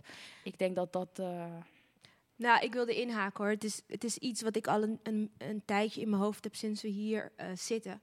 Ehm, bij mij op school, of ik doe een, nieuwe opleiding. eh, Het is een masteropleiding van de AHK. Het heet Creative Producing. Maar daarin word je als entrepreneur in de arts gepusht om een nieuwe wereld te kunnen schetsen. En daarin heb ik een heel mooi, maar heel moeilijk artikel gelezen. Sowieso ben ik niet heel goed in lezen. Maar ehm, het artikel ging over een kunstenaar die vanuit een filosoof, ik heb het proberen op te zoeken hoor, eh, ehm, de wereld bekijkt. En wat ik, eruit, wat ik eruit heb gehaald en wat ik voor mezelf in mijn visie heel erg graag omschrijf, is dat het voorstellingsvermogen een politieke kracht is. En het voorstellingsvermogen, natuurlijk, ik ben in eerste instantie een theatermaker. ehm, maar het is iets wat of in je geboren met, jou, met jou geboren is, of je mag, mag het aanwakkeren, want kinderen hebben het sowieso. Dus als je je iets voorstelt, iets wat er nog niet is, eh, iets wat buiten de re- het realisme staat, misschien utopisch, misschien niet, dat is ook een kracht om, want jij zegt met Thea, te leven, om te gaan, om te doen, veranderen. En dat kan soms gezien worden als een force, wat niet eens, eh, wat soms niet de ruimte krijgt om te bestaan. Hè. Dat is wat ik denk waarom kunst en cultuur weinig ruimte in Nederland krijgen, omdat het een enorme force is om iets te doen, te laten bestaan. In communistische landen mag je sowieso niet normaal, normaal tussen Banny eerst aan kunst doen. En ik weet waarom, want het is een weapon. Het is het werk van Jonas Staal. Ik ga het een beetje op- oplezen. En in zijn werk eh, is hij aan het voortbeduren op de filosoof. Het is een Franse filosoof. Hij heet Alain, Alain Baudoux. Volgens mij, als ik het goed zeg. Ken je hem? Ja. Ja, en dan eh, gaat het eigenlijk over... Nou ja, hier staat dus... Staal ziet Baudu, zeg ik het goed, Baudu? Badu. Badu. Zelfs als een medekunstenaar, wat begrijpelijk is, aangezien in zijn werk een politieke kracht schuilt die nauw samenhoudt, samenhangt met het emancipatoire potentieel, emancipatoire potentieel van kunst waar Baudu, Baudu zeg, hoe zeg ik het? Badu. Badiou in zijn politieke opvattingen en kunsttheorie over spreekt. Het gaat hier om de aanwezigheid van iets dat niet gerepresenteerd wordt binnen de kader van, het, van de bestaande politiek. Een gebeurtenis die verder reikt dan het bekende, hè, dan de status quo. Het is een mailtje die ik even snel zo heb opgezocht, die ik van mijn filosofiedocent Sophie van Hoorn heb gekregen. Want nou ja, na haar les, I fired up. Het ging bij mij over iets wat ik al eigenlijk uh, praktiseer, maar nog niet wist dat daar een hele filosofische theorie achter zat. En als je al van kleins af aan weinig hebt, kan ik het even zo zeggen. Um, en met, met, met niets iets maken, dan doe je dat al met je hoofd. Je, je bedenkt hoe iets eruit gaat zien. Je bedenkt hoe een samenleving hoort te zijn. Je bedenkt met wie je wil spelen. Mm. Wat je wilt spelen. Welke middelen heb je om te kunnen spelen. En dan maak je met elkaar een wereld. En in principe doe je in theater exact hetzelfde. Je maakt een wereld waarvan jij denkt, volgens mij moeten we zo met elkaar omgaan. Wat de kracht daarvan is, is als als de viewer met je meegaat. En eigenlijk als je je viewer moveert daarmee. En daarin gaan we met z'n allen mee. Dus als, als ik Naomi's werk, ik was er niet bij op het Museumplein, maar als ik jouw werk zie in choreografie, dan denk ik, jij hebt een wereld geschept uh, binnen de realistische wereld. Dus dat is eigenlijk al een, eigenlijk is het vrij radicaal. Want ik kan me voorstellen dat iemand dat als radicale actie heeft ervaren. Maar die radicalisme doet een ander denken, bewegen, of je het nou mooi vindt of niet. Je ging erin mee. Je werd gedwongen om te kijken. Dus dan was je onderdeel van die choreografie. Want je bent alleen maar een voorstelling als iemand naar je kijkt. Anders heb je geen voorstelling, toch? En als je daar staat en je ziet vanuit vier windrichtingen mensen in, in wit gekleed met doodskisten op je afkomen. Of van je vandaan gaan, maakt niet uit. Allebei de richtingen doet wat met je, dan ben je onderdeel van een samenleving die geschept is door een kunstenaar. Dus stel je voor dat we met z'n allen in een kunstwerk zouden staan, of je nou meedoet of niet, dan ben je al aan het bewegen. En die kracht, denk ik, kan hele grote politieke bewegingen teweeg brengen. Zeg ik het goed? Ja. Je zegt het Je heel zegt mooi. heel goed. Ah, dat dankjewel, even- Dankjewel. Ah, heb ik toch zo even eruit. Het is moeilijk om een, een mailtje te lezen wat eigenlijk naar mij... Wat zijn hele persoonlijke dingen er, erin gegooid. naar mij. eh, en ik kan, het niet in, ik kan het eigenlijk alleen met mijn eigen woorden zeggen. Maar zij gebruikt hele mooie, mooie woorden als emancipatoire, potentieel. Ik kan dat gewoon niet uitspreken. als er nog ruimte is. Ja, want zeker, Ik, want sorry. Ik wilde, ik, ik wilde hem juist... Ja, nee. Want wat je zegt is, wilde ik brengen naar de Angela Davis. Mm. Ehm, kijk, was het in 2018 dat ze hier was? Ja, 2017. maar SNDO heeft hem naar Nederland gehaald. Hey. Maar in 2018 eh, was de Angela Davis hier. En Angela Davis is echt one of my role models. En eh, toen had de school gevraagd of ik eh, les wilde voorbereiden. Of ik een workshop wilde geven. Nou, ik, ik vet zenuwachtig. Ik heb volgens mij, ik weet niet hoeveel filmpjes ik van haar heb gekeken online. Maar ik heb volgens mij zo, zoveel filmpjes van haar gezien. Like, I kid you not. Echt gewoon, ik moest alle filmpjes, ik moest haar gewoon begrijpen. Maar wat ik daarin ontdekte, en het was zo'n mooie ontdekking, is hoe vaak zij de woord imagination gebruikt. Like, it's... Ik weet, volgens mij, als je naar haar speeches of naar haar lectures luistert, je kan zo vaak gewoon opschrijven hoe vaak zij de woord imagination gebruikt. En op een gegeven moment, dat viel mij gewoon ontzettend op. Ehm, ehm, dat de imagination zo belangrijk is, was, is, is. En ehm, tot die tijd was het me niet zo duidelijk dat hoe belangrijk imagination is. Omdat, wat je zelf zegt, als jij niet altijd de mogelijkheid hebt om tot die verbeelding te komen, tot die mogelijkheid dat je mag verbeelden. Dus ik denk aan mezelf, ik denk niet dat ik altijd de mogelijkheid had om te kunnen verbeelden. Maar dat toch, ja, de manier waarop Angela Davis over sprak, dat ik toch een plek.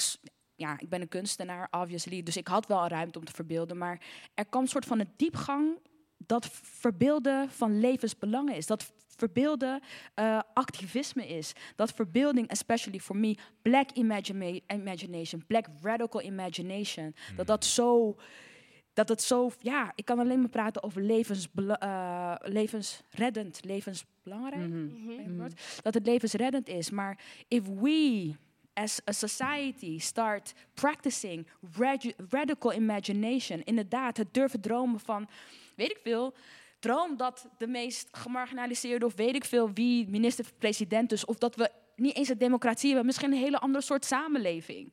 Wie zegt dat het een democratie moet zijn? Misschien kan het wat anders zijn. Maar dan teruggaan naar het stukje crisis. Dat inderdaad de crisis nu zoveel ruimte biedt voor radical, imagination. Daarom ben ik ook zo benieuwd naar de uh, partijprogramma's. Omdat ik denk van, dit is nu de tijd. Dus ik wil die 14 euro bijvoorbeeld, um, um, uh, 14 euro minimumloon op, op, op, op partijprogramma's zien. Ik wil zien, ik zat uh, gisteren naar een uh, Stem op een Vrouw te kijken. Al is een programma over, nou ja, het was een goed programma over Stem op Vrouw. En toen zei Hedy da, da, de Hedy mm -hmm. Dacona. Hedy, Danco Hedy Dancona. Hedy Dancona zei op een gegeven moment, en ze had het over de 25-urige werkweek. Nou, geweldig als we naar 25-urige werkweek kunnen gaan voor iedereen. Dus bedenk maar dat er nu de mogelijkheid staat om ja, drastisch en radicaal onze samenleving te veranderen door middel van verbeelding. En dan denk ik dat het niet eens alleen maar de plek is van kunstenaars. Nee, het is de plek van iedereen om te durven verbeelden. Radicaal te durven verbeelden en daar plekken in durven te nemen. Radio Futura, Radio Futura. Stem op mij, Naomi. Geen partij. Ja, maar je zei heel mooi en ook iets over dat, het je, dat je het jezelf moet, toe, moet toe kunnen staan om het te Ja. doen. En dat je daar dus soms eventjes aangezet moet worden, door wat dan ook. Maar dat dat, ja... Het is zo eh, goed om naar jullie te luisteren, omdat terwijl jullie spreken, eh, het is niet alleen maar sprake van, van hoop, maar ook zoveel eh, mobilisering, energie die ik letterlijk voel als jullie spreken. En dat is mm, goed, omdat eh, ah, er is zoveel eh, cynisme, zoveel machteloosheid. En er is denk ik bijna ook een politiek van machteloosheid. We leven in het beste systeem dat er is, het wordt niet beter. Eh, waarom, da- daar, waardoor we, zoals jij zegt, Naomi, inderdaad ehm, beroofd zijn van onze verbeelding. Beroofd van de mogelijkheden, de eisen zelfs. Het eisen van een andere wereld die beter is, gelijkwaardiger, eerlijker, duurzamer. Ehm, ik wilde heel graag eindigen met een rondje. Ehm, en op een of andere manier wil ik het er nog een beetje doorheen duwen. Ook al zijn we aan het afronden. Luister maar naar die tune die Dionne hier heeft aangezet. Dat is subtiel, toch? Of Ja, niet? ik voel hem maar. Ik voel hem. Ehm, omdat ergens eh, is mijn nieuwe strategie, of nieuwe strategie, dat verzin ik nu ook maar terwijl te, te plekken. Maar ik zoek naar hoe ik mijn werk in kan zetten om die vragen die ik heb samen met anderen te beantwoorden. Maar ook om na te denken over hoe we dit soort platforms kunnen inzetten om die beweging, die strijd een duwtje te geven. Dus ik ben heel blij met alle campagnepraat die hier al voorbij is gekomen. En neem het serieus. Bekijk het partijprogramma van Bijeen. Ehm volg het werk van al deze mensen aan tafel. En daarom wil ik jullie heel graag de gelegenheid geven om even van jullie te horen. Wat kunnen we doen om dat wat je aan het doen bent nog verder te steunen? Eh, of is er een bepaalde hoop waarvan je zegt van... Oh, als we toch die kant zouden kunnen opbewegen, dan zijn we al een stap verder. Ehm, dit is het moment. Ik eerst? ah, ik wou één ding noemen wat, eh, wat ik heel belangrijk vind, wat er nu speelt eh, in de EU. eh, is er nu eigenlijk net twee weken geleden een nieuw landbouwbeleid aangenomen. kwam helemaal niet in het nieuws. Er zitten hele discussies over Mhm. boeren en, en milieu. En, maar dan wordt eindelijk besloten, het gaat over een derde van het hele EU-budget, 300 miljard euro. En eigenlijk is het alleen maar minder duurzaam geworden. En is er gewoon doorheen gegaan. En nu zouden ze dat nog, toch nog kunnen terugtrekken, de commissie, de Europese Commissie. Dus er is nu een hele campagne, Withdraw This Cap. Eh, dus eh, zoek dat op, hashtag This Cap en eh doe er aan mee. Dankjewel, Toon. Eh, even kijken. Shit, de vraag was... Wat kunnen we doen om je werk te steunen? Waar moeten we op letten? Waar... Eh, op dit moment zou ik zeggen, volg Black Pride, volg eh, Black Queer and Trans Resistance, volg eh, ja, Kick Out Zwarte Piet, volg I don't know, everything that's out there, volg Lilith Mac, volg mijn partner Clarice Gargard, volg iedereen die je moet volgen. Dip Saus werd ook al genoemd. Eh, blijf je informeren, blijf dingen checken. Ehm Eén ding wat onrecht doet, is het, doet, het onrecht lijkt groot. Het, doet, ehm, het laat je denken dat het zo groot is dat je het niet kan oplossen. En dat is bullshit. Weet je, iedereen heeft die kracht, iedereen heeft die macht. Als we bij elkaar komen, met elkaar, ja, community worden, samen die vuist vormen, kunnen we, kunnen we het. En kunnen we overthrow systems. So, let's get together, laten we die vuist vormen. En laten we onrecht, ah, I don't know, kick it in the ass or something. I don't know, kick it down. Dankjewel, Naomi.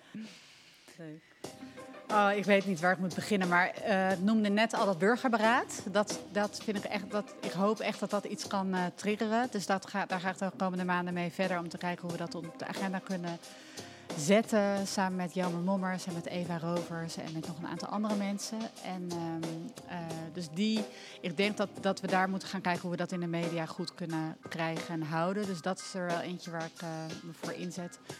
En eh, nou ja, vanuit Toerhuistuin gaan we natuurlijk super mooie programma's weer maken. Zeker als ze weer een beetje meer open kunnen dan nu. Net als hier in Frascati natuurlijk, dus dat. En eh, nou ja, ik maak me wel op naar de volgende verkiezingen in maart. En eh, ik hoop dat alle jonge mensen ook, eh, zeker degenen die voor het eerst mogen stemmen, dat ze ook gewoon gaan. En eh, dat we daar iets, eh, dat we dat aan iedereen kunnen blijven vertellen, dat, hoe belangrijk dat is. Ja. Ja, ehm, iedereen moet gewoon lid worden van bijeen. Punt. Ehm, maar natuurlijk lid worden nadat je het programma hebt gelezen en inziet dat wij inderdaad het beste voor Nederland willen. En ook eh, ons hard gaan maken om dat te doen. En dus ehm, steun, doneer. Ehm, wij hebben niet eh zoals een staatssubsidie eh, zoals andere partijen. Dus dat hebben we hard nodig om flyers en verschillende manieren mensen te kunnen aanspreken. En ehm, join, eh, join een van de afdelingen en zorg ervoor dat we gewoon met elkaar echt mooi, lekker, goed campagne kunnen voeren om Nederland echt te maken. Zodat iedereen toegang heeft tot alle middelen. Ja. Heer, heer. Lara, heb jij nog wat eh, toe te voegen hieraan? Ah, grappig, hè? daar heb ik dus helemaal niet over nagedacht. Ik was zo bezig. Eh, nee, ik ben. Nee, eh, eigenlijk niet. Eh, Wat dacht je van volg... Volg dit alles. Zorg dat Quincy Gario in de Kamer komt. Zorg dat Silva, Sylvana Simons landelijk gaat. Ehm, eh, stop de bio-industrie. Ehm, Ga de- eh, demonstreer. Ehm, blijf het werk volgen van, e- al- van al deze mensen. Dat. En vooral deze radio-aflevering delen. Ja. Ik vond het een vet gesprek. Ik ben heel erg blij hiermee. Ik vond de antwoorden inspirerend. Ik vind jullie inspirerend. Ik wil graag dat meer mensen dit eh, horen, ook wat jullie te zeggen hebben. Dit zeg ik eigenlijk nooit. Is de eerste keer dat ik het zo even zeg. Nee, deel de link. Eh, en vra- vraag om, om, om, om mening. En vraag om tips en adviezen. En zorg er in ieder geval voor dat men eh, deze antwoorden gewoon een keer horen. Waarom niet eigenlijk, toch? We hebben het toch opgenomen. Dat kan in deze tijd. Ja. En je bent in een goede tijd geboren, hoor, Toon. Idee, Hoe joh. vaak is jouw tv-show te zien? El- ja, elke zondag. is morgen om kwart over vijf, 's middags. Hey. Dus eh, check het uit. Check it out. Eh, ik ga afsluiten. Radio. Futura. Futura is, gaat eigenlijk over eh, hè, kunst en de wereld. Dus eh, daar heb je naar geluisterd. Eh, mijn naam is Dionne Verwij en ik ben er volgende week weer. En dan is Gian er ook weer. Blijf luisteren elke woensdag, donderdag, vrijdag. Maar vandaag dus ook op zaterdag vanaf 7 uur tot half 9. We zijn een beetje uitgelopen. Maar dat deden we speciaal voor jullie. Dus eh, Radio Futura, Radio Futura. ik zie jullie volgende week. Radio Futura. Met Dionne Verwij, Dionne Verwij en Gian van. Gian van Gunsven. Frascati, Dionne Verwij. Radio Futura. Gian van Gunsven. Dionne, Dionne, Dionne. Radio Futura.